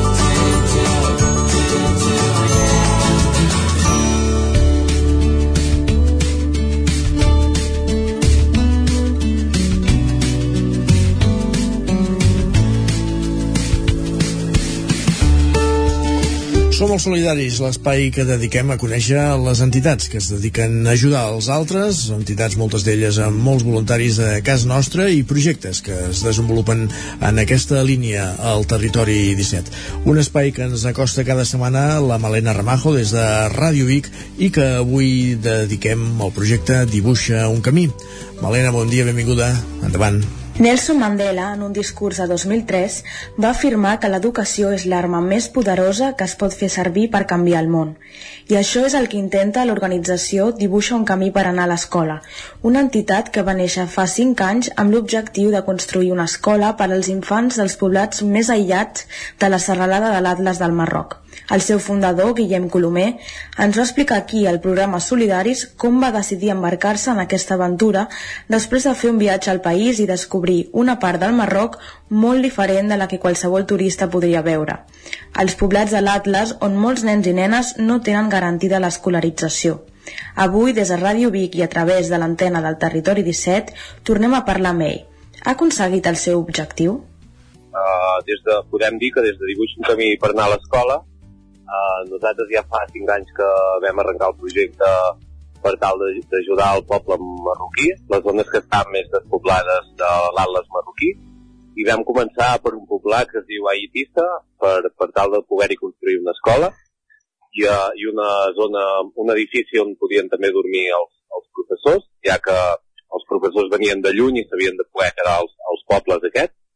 I llavors, a la situació que hi ha ara mateix és doncs, que hem, fa, fa cinc anys vam arrencar el projecte, vam, vam buscar la financiació, hem estat treballant en financiació i hem fet el treball de construcció de la primera i segona fase de l'escola, eh, també amb aquesta segona fase que és l'edifici dels professors, i avui en dia ja podem dir que des del passat octubre classes van començar, eh, van començar a, les, a, a la nova escola.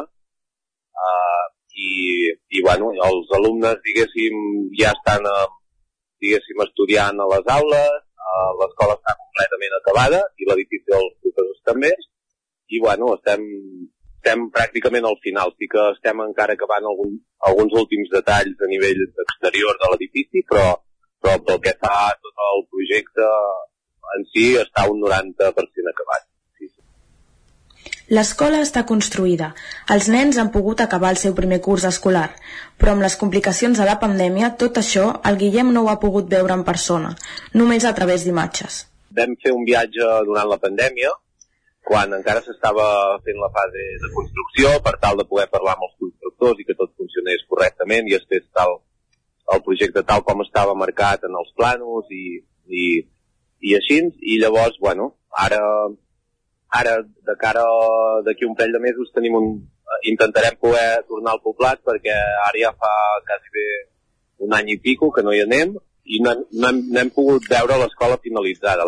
Només l'hem vist en imatges i ara estem pendents de poder-hi anar, poder ja fer tot un, un reportatge també a nivell fotogràfic de, de tal com ha quedat tot, de veure com funciona. Com s'ho han fet per organitzar i gestionar la construcció d'una escola des de la distància? Nosaltres vam tenir clar que des del primer minut de joc havíem de tenir una persona allà de confiança, ja que nosaltres no podíem fer uh, un seguiment de, del projecte uh, dia, del dia a dia uh, vivint al país, perquè nosaltres sí que hem viatjat diversos cops al Marroc i hem estat sis o set vegades, però no podíem estar-hi cada dia perquè tots teníem les nostres feines aquí i llavors vam decidir, tení, teníem molt clar que havíem de tenir una persona de confiança allà doncs que ens gestionés tot el tema administratiu, ens gestionés tot el tema de construcció de, de, de les obres amb, el, amb, el, amb, el, amb els constructors, diguéssim, autòctons del país que fabriquen i fan les cases amb tàpia, però que estigués tot molt ben coordinat, que els cèntims realment arribessin en els, en els industrials doncs, que estaven treballant a l'obra i nosaltres n'hem tingut molta sort de poder tenir aquesta persona que, que hi ha hagut un feedback i hem pogut doncs, gestionar-ho molt també des d'aquí, però també eh, hi han hagut moments en què ha sigut molt necessari eh, ha sigut molt necessari poder fer un viatge al Marroc, assentar-nos amb els paletes, amb la gent que havia de, de construir l'escola, amb, amb el poblat, amb l'alcalde, amb, la, amb la gent del poble que tenia ganes doncs, de, de fer aquesta escola i arribar a una sèrie d'acords i a una sèrie de punts per tal de que tot sortís bé. La rebuda al Marroc ha estat molt positiva. Malgrat que s'han trobat moltes dificultats burocràtiques i logístiques, finalment hi ha hagut una bona entesa amb el govern del país i la comunitat del poblat. Per a Guillem, això és el que més el reconforta. Nosaltres el que més ens reconforta és poder, és poder ajudar la gent veure que la gent realment de, del Marroc eh, està contenta i, i una mica aquesta entesa doncs, de, de les diferents cultures, no? de, de dir, vale, podem tenir una cultura molt diferent els uns amb els altres, però al final tots som humans i al final del camí tots treballem perquè tinguem un món millor i ens reconforta molt el poder, el poder haver desenvolupat aquesta escola i haver-la tingut finalitzada per, per tal de que, de que diverses poblacions, que són tres poblats que estan molt junts i, i, i principalment el poblat d'Aitissa, Aitissa tingui una escola on poder desenvolupar, eh, on els nens puguin anar a l'escola i tinguin un, un edifici generós amb l'espai, que tingui un servei mínim que a vegades costen de trobar en altres escoles d'allà. Eh, això ens reconforta molt però per desgràcia, on s'han trobat algunes reticències amb la seva acció social és a Osona. Bueno, a Osona és una comarca complicada, és una comarca molt tancada, és una comarca que hi ha gent que sí que valora molt la feina que fas, però d'altres que poder no l'entenen tant. Ja no sé si és a nivell de, de una mica de, de tot el tema d'immigració, però bueno, és una comarca a vegades una mica complicada. Hem trobat a vegades algun percal a nivell de, de comentaris, hòstia, com és que, el, que els aneu a ajudar allà si, si uh, aquí ja els ajudem prou, això sí que ens hi hem trobat. No sempre ha estat fàcil que la gent hi col·labori, però per sort no ha estat així en tots els casos, i també hi ha qui ha volgut aportar el seu granet de sorra a l'entitat.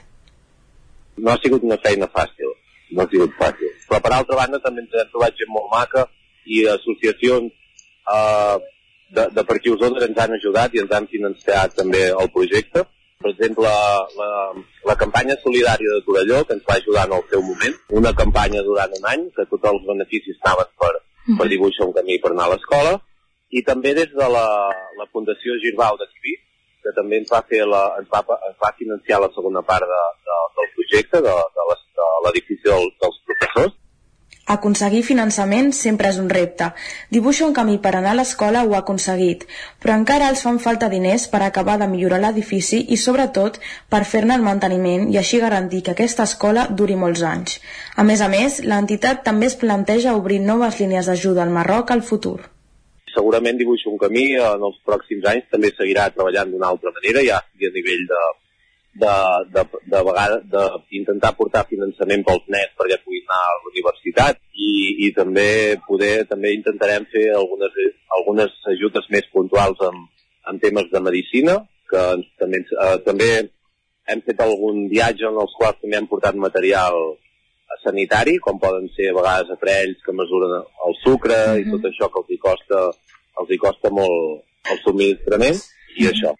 Amb tot, el que necessita dibuixar un camí per anar a l'escola no és res més que solidaritat.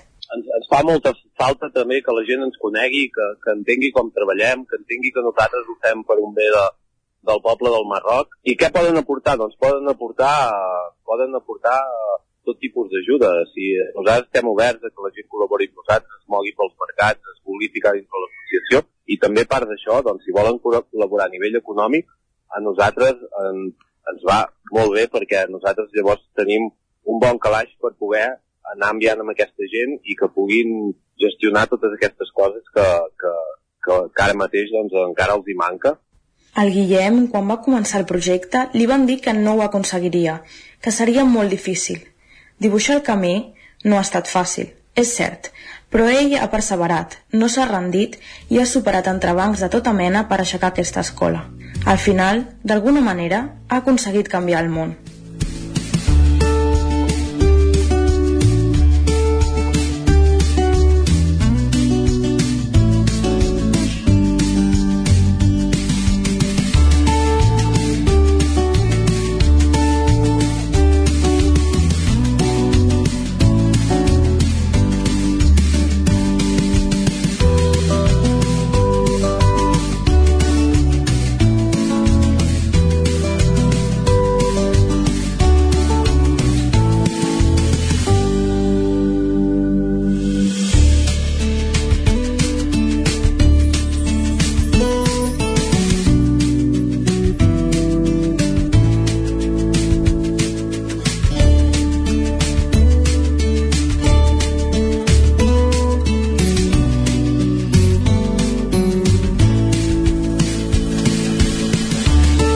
Coneguent l'experiència del dibuix un camí amb la Malena Ramajo, els solidaris, acabem aquesta primera mitja hora de la darrera hora del territori 17. Amb això arribarem a la pausa abans de dos quarts per continuar després amb la resta de continguts previstos per aquest dilluns 27 de juny de 2022.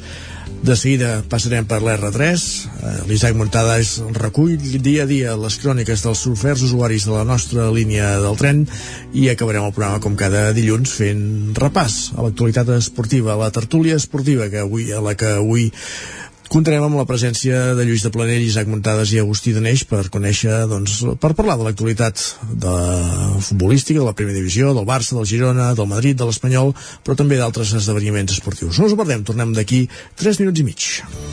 Territori 17. Envia'ns les teves notes de veu per WhatsApp al 646 079 023. 646 079 023. WhatsApp Territori 17.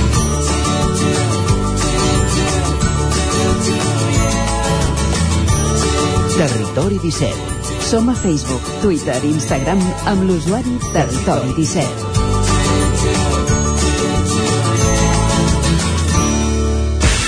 El nou FM, la ràdio de casa, al 92.8. Si tens pensat canviar la caldera o posar aire condicionat, posa't en mans a Pradell. Tenen les millors ofertes. Pradell instal·la calderes de biomassa, calderes de condensació, aire condicionat tant per a particulars com per a empreses. Apunta, Pradell, Avinguda Països Catalans, número 27 de Vic. Telèfon 93 885 11 97. Repetim, 93 885 11 97. Passema, comercial de maquinària i utillatges amb més de 50 anys al vostre servei. Visiteu la nostra botiga i trobareu productes de gran qualitat. Passema, som al polígon Sot dels Pradals, al carrer Cervera 10 de Vic. Telèfon 93 885 32 51. Us desitgem una bona festa major de Vic. Per moure't, lloga un cotxe ALR. Per moure la família, lloga un minibús ALR. Per moure coses, lloga una furgoneta ALR. Per moure la casa, lloga un camió ALR. Lloguer de cotxes, furgonetes i camions ALR. Ens trobaràs al carrer Francesc Sant Climent 83 de Vic i també a Olot i Manresa. Informa't en el 93 888 60 57 o bé consulta el web alr.cat. Tot l'equip d'ALR us desitgem una molt bona festa major. Nou restaurant Samsara Vic. Vine a provar el nostre sushi, plats japonesos i asiàtics. Bufet lliure cada migdia a les nits i als caps de setmana. També disposem de menú infantil. Restaurant Samsara. Vine i et sentiràs en un altre món. Obrim de dimarts a diumenge. Ens trobaràs al carrer de la Fusina número 2 de Vic, a prop del Banc Santander i de la botiga Orange. O si ho prefereixes, truca'ns al 93 146 82 89. A la llibreria Mater hi trobaràs material escolar i d'escriptori, llibres, revistes i el millor regal. T'esperem amb una gran varietat de novel·les, llibres d'assaig, poesia, contes i moltes novetats editorials. I per anar ben equipat a l'escola tenim motxilles, estoig, carpetes, llibretes, bolígrafs i molt més. Recorda que amb la targeta client tens descomptes. Mater, llibreters amb vocació des de 1957. Llibreria Mater. Ens trobaràs al carrer Pla de Balanyà número 23 de Vic i a mater.cat. Tenim quaderns de vacances i les novetats amb motxilles i estoig de la marca Kipling. T'esperem. Anuncia't al 9FM. La màquina de casa. 9 3 8 8 9 4 9 4 9. Publicitat arroba al 9FM.cat. Anuncia't al 9FM. La publicitat més eficaç. El 9FM, el 9FM, el 9FM, el 9FM, el 9FM.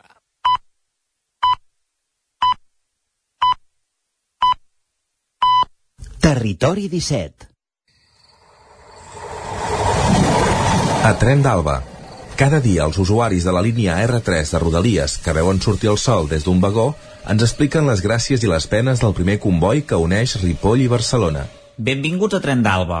Avui us deixaré directament amb en Jordi Valls perquè ens expliqui una mica com li ha anat el viatge després d'aquest pont de la Rebella de Sant Joan, que per alguns ha estat de 3 dies i per altres afortunats de 4. I per als que encara són més afortunats, han tingut totes la setmana de vacances. Va, escoltem-lo. Bon dia, sóc en Jordi de Centelles. Avui he agafat el primeret de tot, el de les 5.37 cap a Barna. Ben d'hora, ben d'hora, ben d'hora, com deia aquell. És un tren una miqueta golfillo, sobretot divendres, que és la canalla que agafa el primer tren que ha anat de festa dijous, i dissabtes quan, quan circula. La veritat, tranquil·let, excepte quan hem arribat a Granollers, que ha pujat un pàjaro i entre, no sé sabem si ha begut, col·locat o el que sigui, i s'ha tret de la màniga un transistor. Sí, sí, un transistor i l'ha fotut a tot drap. Sort de que a l'entrar als túnels de Barcelona es queda sense cobertura i llavors ha començat a rondinar. És el que té l'antiga tecnologia. Bueno, la nova no és que vagi millor. La veritat és que el tren és una miqueta allò que deien a l'último de la fina el pequeño catálogo de seres i estares. Sempre és com una petita aventura, sempre passen coses. I aquesta hora també. I jo esperava, ostres, avui tranquil. Com a prudència, amb aquest primer tren, molta gent anem al començament del tot. Anem enganxadets al maquinista com si ell, pobre, o la maquinista, ens pogués salvar d'alguna cosa, però és aquella sensació de seguretat. Res més, us deixo tranquils, una setmana llarga, recupereu-vos a la rebella i que una Renfe qualsevol no us espatlli la màgia del tren. Adéu-siau! Déu nhi els personatges que ens trobem al tren. Sort que, com bé dius, l'home s'ha quedat sense senyal i el transistor no li funcionava a l'entrada de Barcelona. Pobres aquells que volien fer un son abans d'entrar a treballar o anar a estudiar, o aquells que treballaven i necessitaven una mica de concentració. De totes maneres, el revisor ha de ser la persona que s'encarregui d'advertir-lo que no pot posar el transistor a tot trap, o en el seu defecte, si hi ha personal de seguretat, doncs se l'ha d'avisar. En fi, ens retrobem demà amb més històries del tren i de l'R3. Territori 17 El 9 FM, la veu de Sant Joan, Ona Codinenca, Ràdio Cardedeu, Territori 17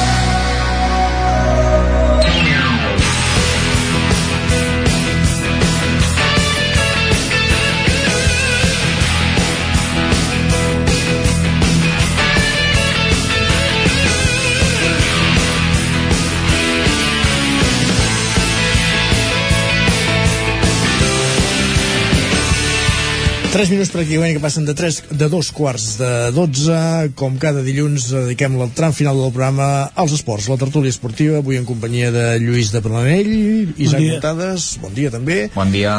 Bon dia. I Agustí Danés, que s'acaba d'incorporar a l'estudi. Benvingut també, Agustí, bon dia. Ei, bon dia. Avui a Montades m'ha enviat un missatge que diu que vol parlar de Wimbledon. Això que comença avui. Ara, pla. Què, què n'hem de dir? Sí. Tu mateix, no, eh? perquè com que, sem com que sempre parlem de futbol, ostres, que sap greu que deixem els altres esports i, i avui que comença Wimbledon, que deu ser potser dels tornejos més importants de, del món del tennis, perquè és un dels quatre grans slams i per, i per mi potser és el més eh, maco de tots, perquè m'agrada molt el tennis sobre, sobre herba, sí i de fet una temporada molt curta com serà la temporada d'herba pràcticament són un mes, un mes i mig com a molt, no, no arriba i hi ha molt pocs tornejos i, i bé, és un Wimbledon que pot ser bastant curiós perquè com sabeu aquest any no es reparteixen punts per tot el tema de, del boicot als tenistes russos i bielorussos que no hi poden participar i, i Wimbledon de forma doncs una mica així eh, unilateral va decidir que no s'otorgarien punts i, el, i també alguns tenistes no veien la l'oportunitat de participar-hi doncs tindrem eh, el que esperem que hi hagi algun duel important a, a la final no? hi ha Djokovic que, que també torna després de no haver, poguet, de no haver pogut participar a l'Open d'Austràlia i després de fer un Roland Garros que no va, no va estar tampoc al seu millor nivell tindrem a Rafa Nadal que també ara després de les lesions doncs ara arriba una mica més uh, més, més bé no? sembla que està funcionant el tractament per, perquè el, per adormir-li el peu no? i que no noti el dolor i, i veurem si poden arribar a la final o, o aquestes peces emergents no? Carlos Alcaraz o, en fi, no sé, uh, volia, volia comentar-ho perquè crec que és un torneig important que, sa que sabrem d'aquí dues setmanes doncs, qui es corona i si guanya Rafa Nadal doncs aconseguiria uh, els tres primers grans slams del calendari i, i s'acostaria una fita pràcticament única a la història ja que en la categoria masculina crec que només Rod Laver ha aconseguit guanyar els quatre grans slams en una temporada i en la femenina crec que només ho ha aconseguit Steffi Graf, crec, eh? ara no n'estic segur, eh? vull dir que, que bé, veurem, veurem si pot, pot aconseguir-ho. Impressionant, eh, aquesta... Isaac aquí ha fet una exhibició de, Jo, de que- tennis. jo me'l imaginava mirant el Tour, però el Wimbledon no, és. Sí, no, és, és clar, Sí. també n'hi ha tots del Madrid aquí, eh, que juguen a Wimbledon. Sí, sí, aviam, si poden guanyar els que són del Madrid, a veure com i acabem. Nadal. Sí, tots són del Madrid, llavors, doncs, home, eh, no sé si que poden arribar a la per fi- aquí. Sí, no, no anava per aquí. No sé si poden arribar a la final, no recordo si estan en En, bandes... en, o- Llu- en Lluís, crec, crec que només, sí. fixa't que en Lluís parla de tennis però, però, però amb, ulls, amb ulls de futbol, no? Amb ulls de o sigui, futbol, eh? parla de Sí, sí. tennis però amb ulls de futbol. Sí, sí, l'Alcaraz pot arribar-hi perquè no es troba, eh, es troba Amb en Djokovic es troba, però no? no, no amb Sí. en Nadal. Sí, sí. No en Nadal, eh? Sí, sí. Poden, poden, Bueno, En Florentino pot eh, presidir la, la final del Wimbledon. De totes maneres, és veritat que, que hi ha bueno, aquests, aquests moments, no? Wimbledon n'és un, Roland Garros n'és un altre, aquests, que a vegades eh, la gent que ens agrada els esports, encara que no, que no dominis eh, el tennis, hi ha moments d'aquests que són típics, no? D'un- D'una d'una època, d'un moment, tal, no? Però l'estiu fa més, és més de tour, no? És més de tour, sí, sí, sí. Eh? Aquí també us en puc parlar, eh, jo, si voleu, no tinc cap problema. Eh? No, és més, més de tour migdiada. Però, però, però no, no, jo també haig de reconèixer que Roland Garros ho vaig seguir bastant i Wimbledon doncs eh, molt probablement també perquè són tornejos que, que, que, que m'agraden molt. L'americà mm, la pista de ràpida no m'agrada tant però eh, tant terra batuda com gespa el tennis m'agrada molt. I en el tennis és interessant aquesta...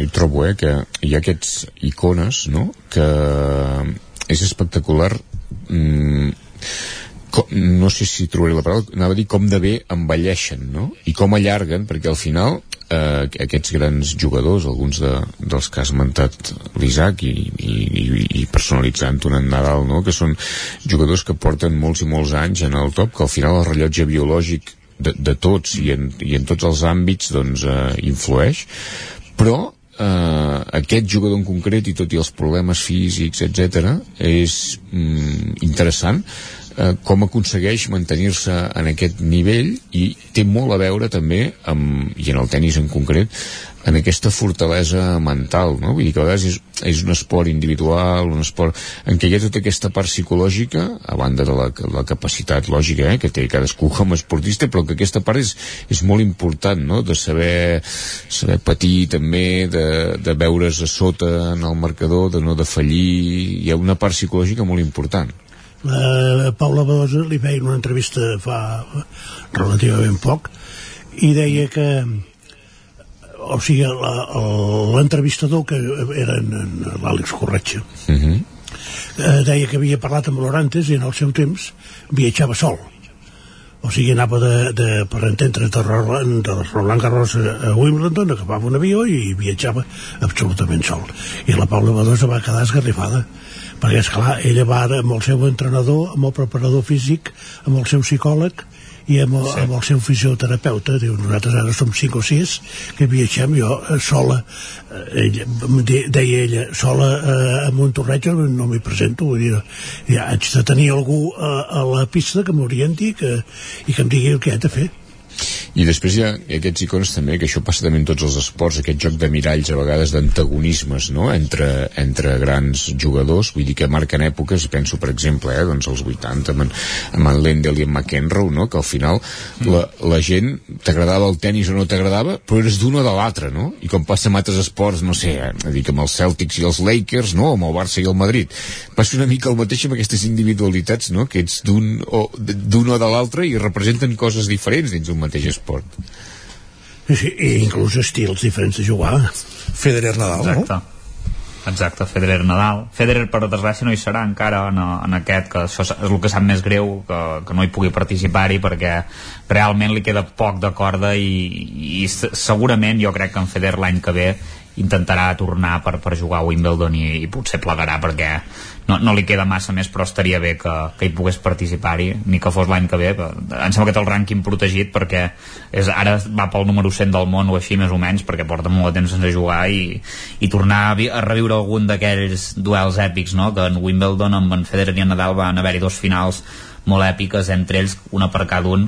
I, i bé, i després aquesta rivalitat s'ha traslladat amb el Djokovic Nadal que també que també són molt bons i, i sí, això que deia l'Agustí, eh, les rivalitats del tennis Sampras Agassi uh, McEnroe també amb Bjork que també, també se les van tenir bueno, està bé vull dir, no, no, no després de, de, de que pleguin tots aquesta generació que clar, jo també me n'adono, eh? ostres, aquests els vaig veure començar a jugar el 2004-2005 Federer poder una mica abans va, va començar però Nadal i en Djokovic sí i ara ja quasi bé es retiren això vol dir que ens fem grans tots no? una ah, mica sí? també que això, que, això, que això potser és l'única putada que hi veig amb perdó per la paraula no, i, i, jo també penso que el, el tennis d'en Santana, per exemple, que és la primera gran referència. Tu, tu Lluís, ets, ets, ets més vella, eh? ara sí, ho veig, eh? Sí, sí, no, Santana. Eh, no ho dubtis pas.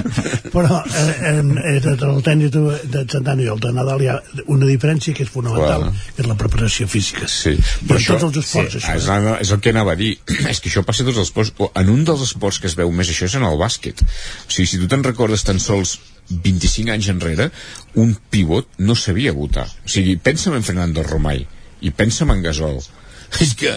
Tardaven mig minut a anar d'una puntada que, no, és igual, o, o russos, no? Que hi havia en Tachenko, vull dir, i eren gent, i en canvi ara aquests jugadors que, que molts doncs, fan més de 2 metres 15, de, tal, són jugadors coordinats, que, que físicament eh, són potents, que, i que són capaços això de botar la pilota de tirar de 3 en el bàsquet es veu claríssim vull dir abans no? un era molt alt, el posaven a sota la cistella a fer por però no, però no sabia fer res més no? penso, és que en Fernando Romay és un bon exemple eh, no s'assemblen res en Fernando Romay amb en, amb en Gasol les, les agafava sota la, eh, a sota sí. la cistella i la passava si sí, podia sí, sí, sí molt bé, hem començat parlant de tennis, ara fèiem aquesta derivada de bàsquet, normalment sempre però parlem de, de futbol, eh, encara està poc mogut el mercat de fitxatges, la setmana passada parlàvem de, de l'ascens de, del Girona, la setmana passada el Barça eh, anunciava ja que jugarà a Montjuïc la temporada que ve presentava la inversió que hi haurà de fer, que no, no, no, ens va de, no ens vau deixar el camp a punt, Lluís?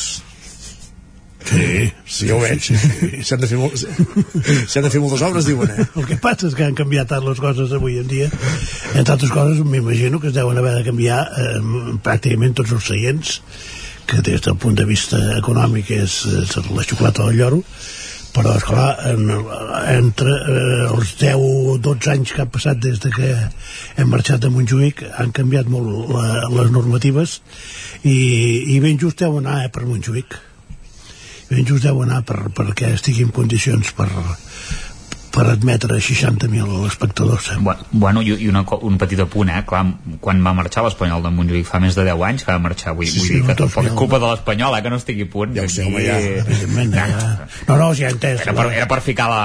Clar, la, la pregunta era d'un culer, vull dir que ja, ja Sí, sí, no, clar, per això ho volia, ho, ho volia posar en context, clar, també no, no li donem les culpes a l'Espanyol, encara que sigui només per, allò, per, per dir-ho, eh, saps? No, i a més la gràcia que em fa que el Barça hagi d'anar allà sí, perquè se'n fotien de nosaltres quan jugava al Montjuïc. Sí, sí, sí. vull dir que aquella temporada la, la que ve o no l'altra doncs m'ho passaré molt bé dient no, no jugueu vosaltres on teniu el Camp Nou? A Barcelona. A Barcelona. El Camp Nou és Montjuïc. A Barcelona no, a Montjuïc. A Barcelona.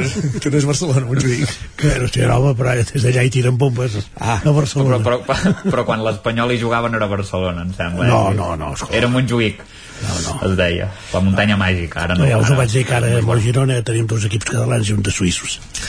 Exacte Uh, hi, ha, hi ha poc moviment uh, de Can Barça esperem sortides i per ara no s'anuncien masses no? no hi ha caler Ferran Jutglà que va marxar i va fer dos gols l'altre dia sí, això és l'únic en el debut, està bé n'hi ha d'haver hi ha d'haver sortides i el Barça sí que és veritat que bueno, va una mica tard amb, amb aquest tema però però tard segur que hi ha operacions que estan fetes i que no, i que no s'anuncien i a vegades això és com un dòmino no? que, que a la que es mou una fitxa o la que caigui una fitxa llavors farà aquest efecte, l'efecte domino i, i es podran anunciar altres fitxatges. Vull dir que aquests dos jugadors que arriben lliures el Christensen i el Kessier aquests sembla que, que estan fets i s'ha de denunciar i després l'altra part al final és el que diem, eh? parlem de futbol però en el fons el que mana és l'economia i per tant eh, les qüestions aquestes dels límits salarials per poder fer les inscripcions pertinents i, i també lògicament les, les vendes per poder fer calaix per afrontar eh, això, els, els pagaments d'aquests traspassos i crec que ha, que aquesta setmana hi ha, hi ha el tema aquest d'en De Jong no? que, és, que, és, que acabarà marxant en De Jong al, al Manchester i que és un tema econòmic per poder fer el Barça, el Barça ho necessita no? És que per, per poder fer calaix per comprar el que passa que hi ha el tema aquest ara mira, abans de, de pujar em trucava un company que és molt culer i a més és molt llest i no pensa en futbol sinó que pensa en diners i ell està ell és? sí, està diametralment en contra de, de, de la compra d'en Lewandowski perquè diu que un jugador d'aquest des d'un punt de vista econòmico-financer eh? sí. perquè diu que un jugador mm, d'aquesta edat amb aquests imports i que l'any que ve queda lliure que és que és, eh, bueno, és inexplicable i que no es pot fer. Però jo, jo amb això discrepo, perquè jo li dic al Barça no, no ha de fitxar un... El Barça no ha de fitxar un jugador que, només que faci gols. Ha de fitxar una cara per posar a la, a, la, a la lona aquella del Camp Nou. És allò que dèiem, vull dir, això no és esport, és entreteniment és entreteniment cada vegada més en Ginesta parla de la disneyització del futbol fa falta Mickey Mouse no n'hi ha gaires aquest n'és un, perquè necessites vendre samarretes, necessites ser popular a Àsia, a Àfrica, a tots aquests mercats emergents. I això ara el Barça no ho té. Ho té només amb la figura de Piqué i prou, no n'hi ha més que durarà poc perquè s'ha descapitalitzat des d'aquest de, punt de vista llavors que passa que, clar, vull dir, també entenc l'estratègia del Bayern, el Bayern ja tenen el substitut de Lewandowski, ja ho saben que marxarà, però ells no tenen pressa, té contracte, nosaltres farem això, intentaran, el que passa que, clar, tot, tot és, es mou amb unes magnituds tan desproporcionades, no?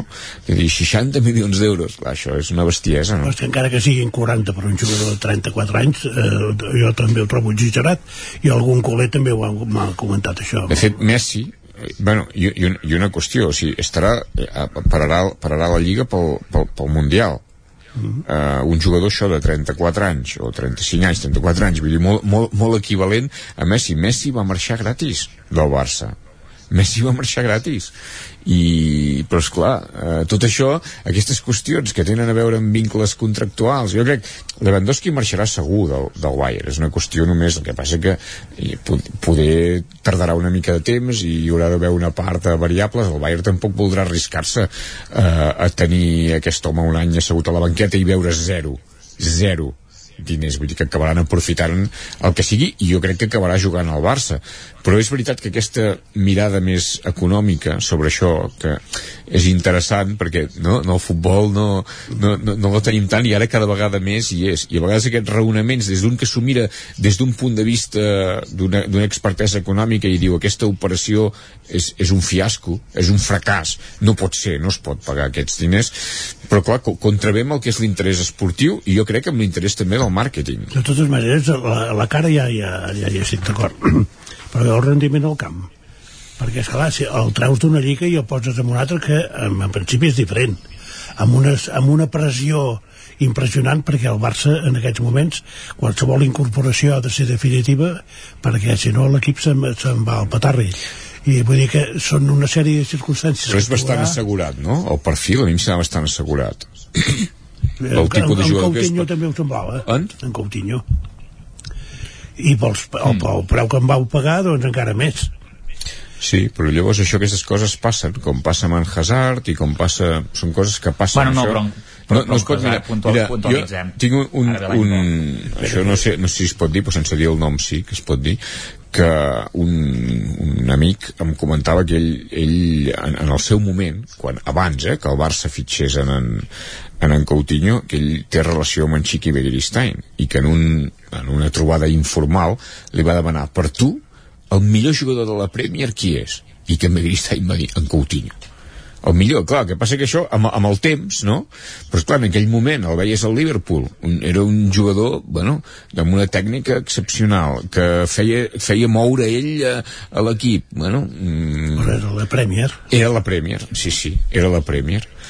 Però vull dir que, que al final és un jugador que, que tothom o gairebé tothom s'hauria gastat els calés. Llavors, altra cosa és en, en quines circumstàncies es produeix això, perquè es produeix després de la venda d'en, o de la venda, o de la marxa de Neymar i tens els diners i llavors s'acaben fent bestieses com el seu dia va passar amb en Petit i amb l'Overmars, amb, amb en Figo no?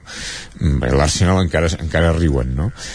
això és un altre tema però vull dir que jugar-se els calés per en Coutinho mmm, tu també ho haguessis fet Sí, però, però, però em, em, em I no va funcionar. Em dona la de que el, el canvi de lliga representa un canvi d'hàbits, un, un canvi de, de situació del jugador que pot afectar o no. I, i Veus això, en Haaland, per exemple, doncs, doncs se'n va d'Alemanya, se'n va al City i també veurem ja, ja, ja què, què però passa. pel tipus de jugadors que són i els característics que tenen jo crec que són bastant segurs en Haaland també és bastant segur no? No ho sé, veurem. En teoria De sí. moment està jugant a la platja Marbella amb els nens i això, vull dir que almenys si més no no s'ho té cregut no? I, i és un bon fitxatge pel City que li faltava potser això no? un davanter centre allò referència que, que fes gols que, que ja tenia un equip molt ben construït i, un, i una manera de jugar molt, molt definida que no li va servir per guanyar en el Madrid de totes maneres també també s'ha de dir però, però bé, uh, l'any que ve serà divertit perquè hi ha molts equips que, que es renoven veurem el Liverpool també com, com es reinventa amb la marxa de Mané s'està parlant que Salah també podria marxar aquest any ell, ell havia dit que no, però bueno, ja, ja ho veurem uh, el, el Bayern veurem si acaba marxant Lewandowski o, o no no sé, si va al Barça jo ho veig difícil em sembla que va ser Toni Freixa que va fer un tuit no? que va dir que es deia que vindria Bernardo Silva, vindria Rafinha vindria Lewandowski, uh, vindria el Sum Sum Corda i al final potser no, no vindrà ningú, que tot és fum no? no sé quants diners si el, si el Barça té els diners per fitxar tots aquests jugadors uh, les palanques no s'acaben d'activar no, de moment no, no sé, esteu més ben informats que jo al Madrid estem tranquils perquè hem fet els deures ja ja tenim més o menys els fitxatges fets i, i les sortides comencen a, a funcionar també estan començant a marxar jugadors vull Sí, dir parlen dels- d'en Sala ara al Madrid, no? Ben? Sí, sí, en Salah deien que poder... Bueno, aviam, si en Salah ve al Madrid seria la manera que guanyés la Champions. És l'única manera que té per guanyar la Champions. Si no Ah. puedes con tu enemigo, únete a él. Sí, eh, clar, no, no. No, però, però a veure, no. Però a veure, però, però, no, però en, en, bueno, en Salai l'ha guanyada la Champions. Ah, sí, és veritat, sí. Però bueno, guanyar-la guanyar una altra vegada, sí, sí, sí. Salai sí, ja l'ha guanyada. L'ha guanyat, però l'ha guanyat una vegada. Això del Madrid és una mentida molt, molt, molt gran i, i ja està. Jo vaig dir que fins al 2030 no, la- no la tornarien a guanyar i ja la van guanyar. La primera, la Champions ja, ja la Sí, guanyava el Madrid. recordo que però, em vas dir fa uns dies. però no, jo comentava això, que, que el Madrid ja en guanyarà de Champions, però que no serà aquell domini abassegador que hi havia, perquè ara hi ha el VAR i el que ha passat aquest any és... Ara hi ha és, el VAR, eh, Sí, és, és extraordinari, per tant, bueno, Per això, per- ja la, aquesta ja va, ha- ja va a compte, a compte d'aquestes del 2030, perquè això, això no passa, aquesta, ha passat, és que és, és inexplicable. Lo d'aquest any, és, la mateixa final és inexplicable. Màgia negra. Sí, perquè a vegades dius, no, perquè si, si en aquest l'estrella és igual, el que fos, no? si en Benzema, no, només n'hi havia prou de canviar el porter. O sigui, canviant el porter. A les semifinals canviant el porter amb, amb, amb, amb un altre porter De totes maneres, recordes la, la final contra l'Atlètic de Madrid, eh? I què va passar? Eh? Que al minut 90 perdia el Madrid, eh? Sí, però hi havia sí. un fora de joc, no? Hi havia alguna allà. Aquelles finals sempre passaven coses. Ara això No, ja no havia- passa, aquest any no passa, però aquest any és inexplicable el, el, el que ha passat. I hi ha una part que és, jo dic sempre, que això sí que té mèrit, que és de relat d'aquesta mentida, vull dir, el Madrid, sí, el Madrid és un gran equip, és un gran equip, com el Barça. El Barça n'hi va fer 4. El Barça n'hi va fer 4. Si un dia ve el Madrid aquí al camp del Barça i, i n'hi fa 4 o n'hi fa 6, saps què farien els socis? Cremarien el camp o cremarien i, No van- i, no van i cremar ells a, la, a, la, les semifinals o sigui, a, a, a les semifinals Amb els vuit de- no, a, a les, a les, amb els del Bayern no va cremar. a les No era aquí, era- semifinals era o els quarts de final contra el Chelsea contra el Chelsea que el Madrid ja els havia ja, o sigui i, i, aquesta, jo, aquesta dada és, és, és bàsica per entendre, per entendre això. O sigui, el Madrid va guanyar el, el camp del Chelsea de manera immerescuda, perquè les estadístiques, si més les estadístiques amb el resultat, no coincideixen amb res. O sigui, el Chelsea va xutar porta, va tenir la possessió i va guanyar el Madrid. Però llavors eh, jugaven al Bernabéu i l'únic que havien de fer era certificar la victòria perquè ells al minut zero, o sigui, quan va començar ja estaven classificats perquè duien avantatge de, de l'anada doncs hi ha un moment que que, que, que va evolucionar el partit i que en Valdano per la tele diu, diu la remuntada del Madrid quina remuntada? Si la remuntada va ser del Chelsea. Si el minut 0... No és que comencessin 0-0, és que guanyava el Madrid. I això, això és, és el que tenen interioritzat. I acaben dient la remuntada del Madrid. Quina remuntada? Si la remuntada va ser del Chelsea. I, i aquesta, aquesta és la mentida. I, I quan tu perds a casa, que tens... I perds i et van fent gols i et passen per sobre, i perds 0-3 i perds 0-3 la, gent el que faria és mocadors i cremar el camp i no, i van cantant i llavors, i llavors guanyen i l'altre diu la remuntada del Madrid això és inexplicable. Però això, saps com s'aconsegueix? això a còpia d'anar-ho repetint i en molt temps, això vol molt temps. Això sí que té mèrit aquesta part. Aquesta és la mentida. Bueno, I qui ho repeteix, això? Bueno, doncs... No. Doncs hi ha, hi ha, hi ha líders, líders, líders d'opinió que, han, que han anat fent aquest discurs i dir això del Bernabéu i, i els rivals s'ho creuen també, menys el Barça. És que és, és aquest, o sigui a Europa, a Europa tothom té por del Madrid. I el Madrid té por del Barça. És que és aquesta la perversió. O sigui, el Barça No. és l'únic equip anat aquest any i n'hi va fer El- el- quatre. Però és que, però és que n'hi ha no fet ho has tres. entès. en, en, Ronald, en Ronaldinho si No el van aplaudir. l'aplaudiren en Ronaldinho.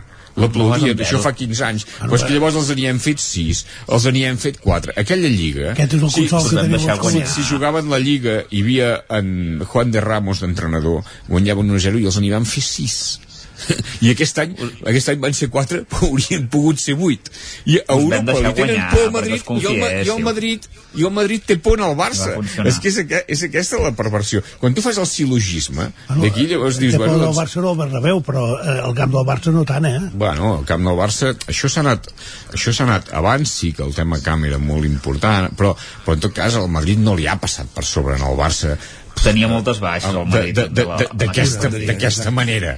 Així és, és, és el. Barça al Bernabéu bueno, amb, amb Messi 3 a 4 un any anaven pitant penals i, i, va, i no, Messi els hi va ensenyar Penals a favor del Barça, els per cert, els, eh, aquell els hi va ensenyar la samarreta. Era, era, un, dos era, un, no, era un no parar. A les semifinals de la Champions 0-2 va agafar la Però, però abans del 0-4 aquest, quants partits havia guanyat el Madrid seguits amb el Barça, Agustí? Que no, no recordo No, la data. bueno, els partits- 5, eren? poder sí, poder sí No, per, no, poder sí, no, sí, ja t'ho dic jo, si, no, si, però, si, si però, sí, de memòria. però, però què comptes? què comptes? Comptes Què la, conto? la Conto- Supercopa conto els partits de Lliga, Aràbia conto els dos Saudita partits. La Rosada. Dos pa... No, la Supercopa, Supercopa i els partits de Saudita. Lliga. Quatre partits de Lliga. No, perdona, la Supercopa, Va. No, no. A, a, la Supercopa i a Aràbia Saudita no en parlis perquè és cosa d'en Piqué, això, eh? O sigui, ja, sí, exacte. ja comencem en per Piqué i en eh? Rubi. Exacte. Sí, sí. Que la tornarem a guanyar, per cert, l'any que ve. No, que és clar, si els hi, els hi munteu el circ, llavors heu d'acceptar que hi ha pallassos. I que està, està claríssim, això. Sí o no? Ho acabem aquí, amb el circ. Gràcies, Lluís de Planella, Agustí Danés, Isaac Montades. Fins dilluns vinent. Bon dia a tots tres. Bon dia. Adéu, bon dia.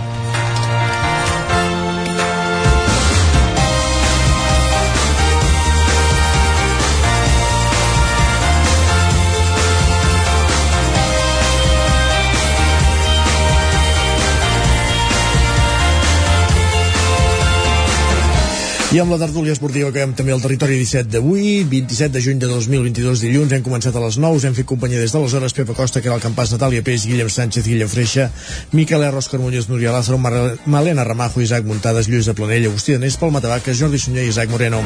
I tornem demà a les 9. Bon dilluns, gràcies per ser-hi. Territori 17, un magazín del nou FM. La veu de Sant Joan Ona Codinenca i Ràdio Cardedeu amb el suport de la xarxa. El nou FM.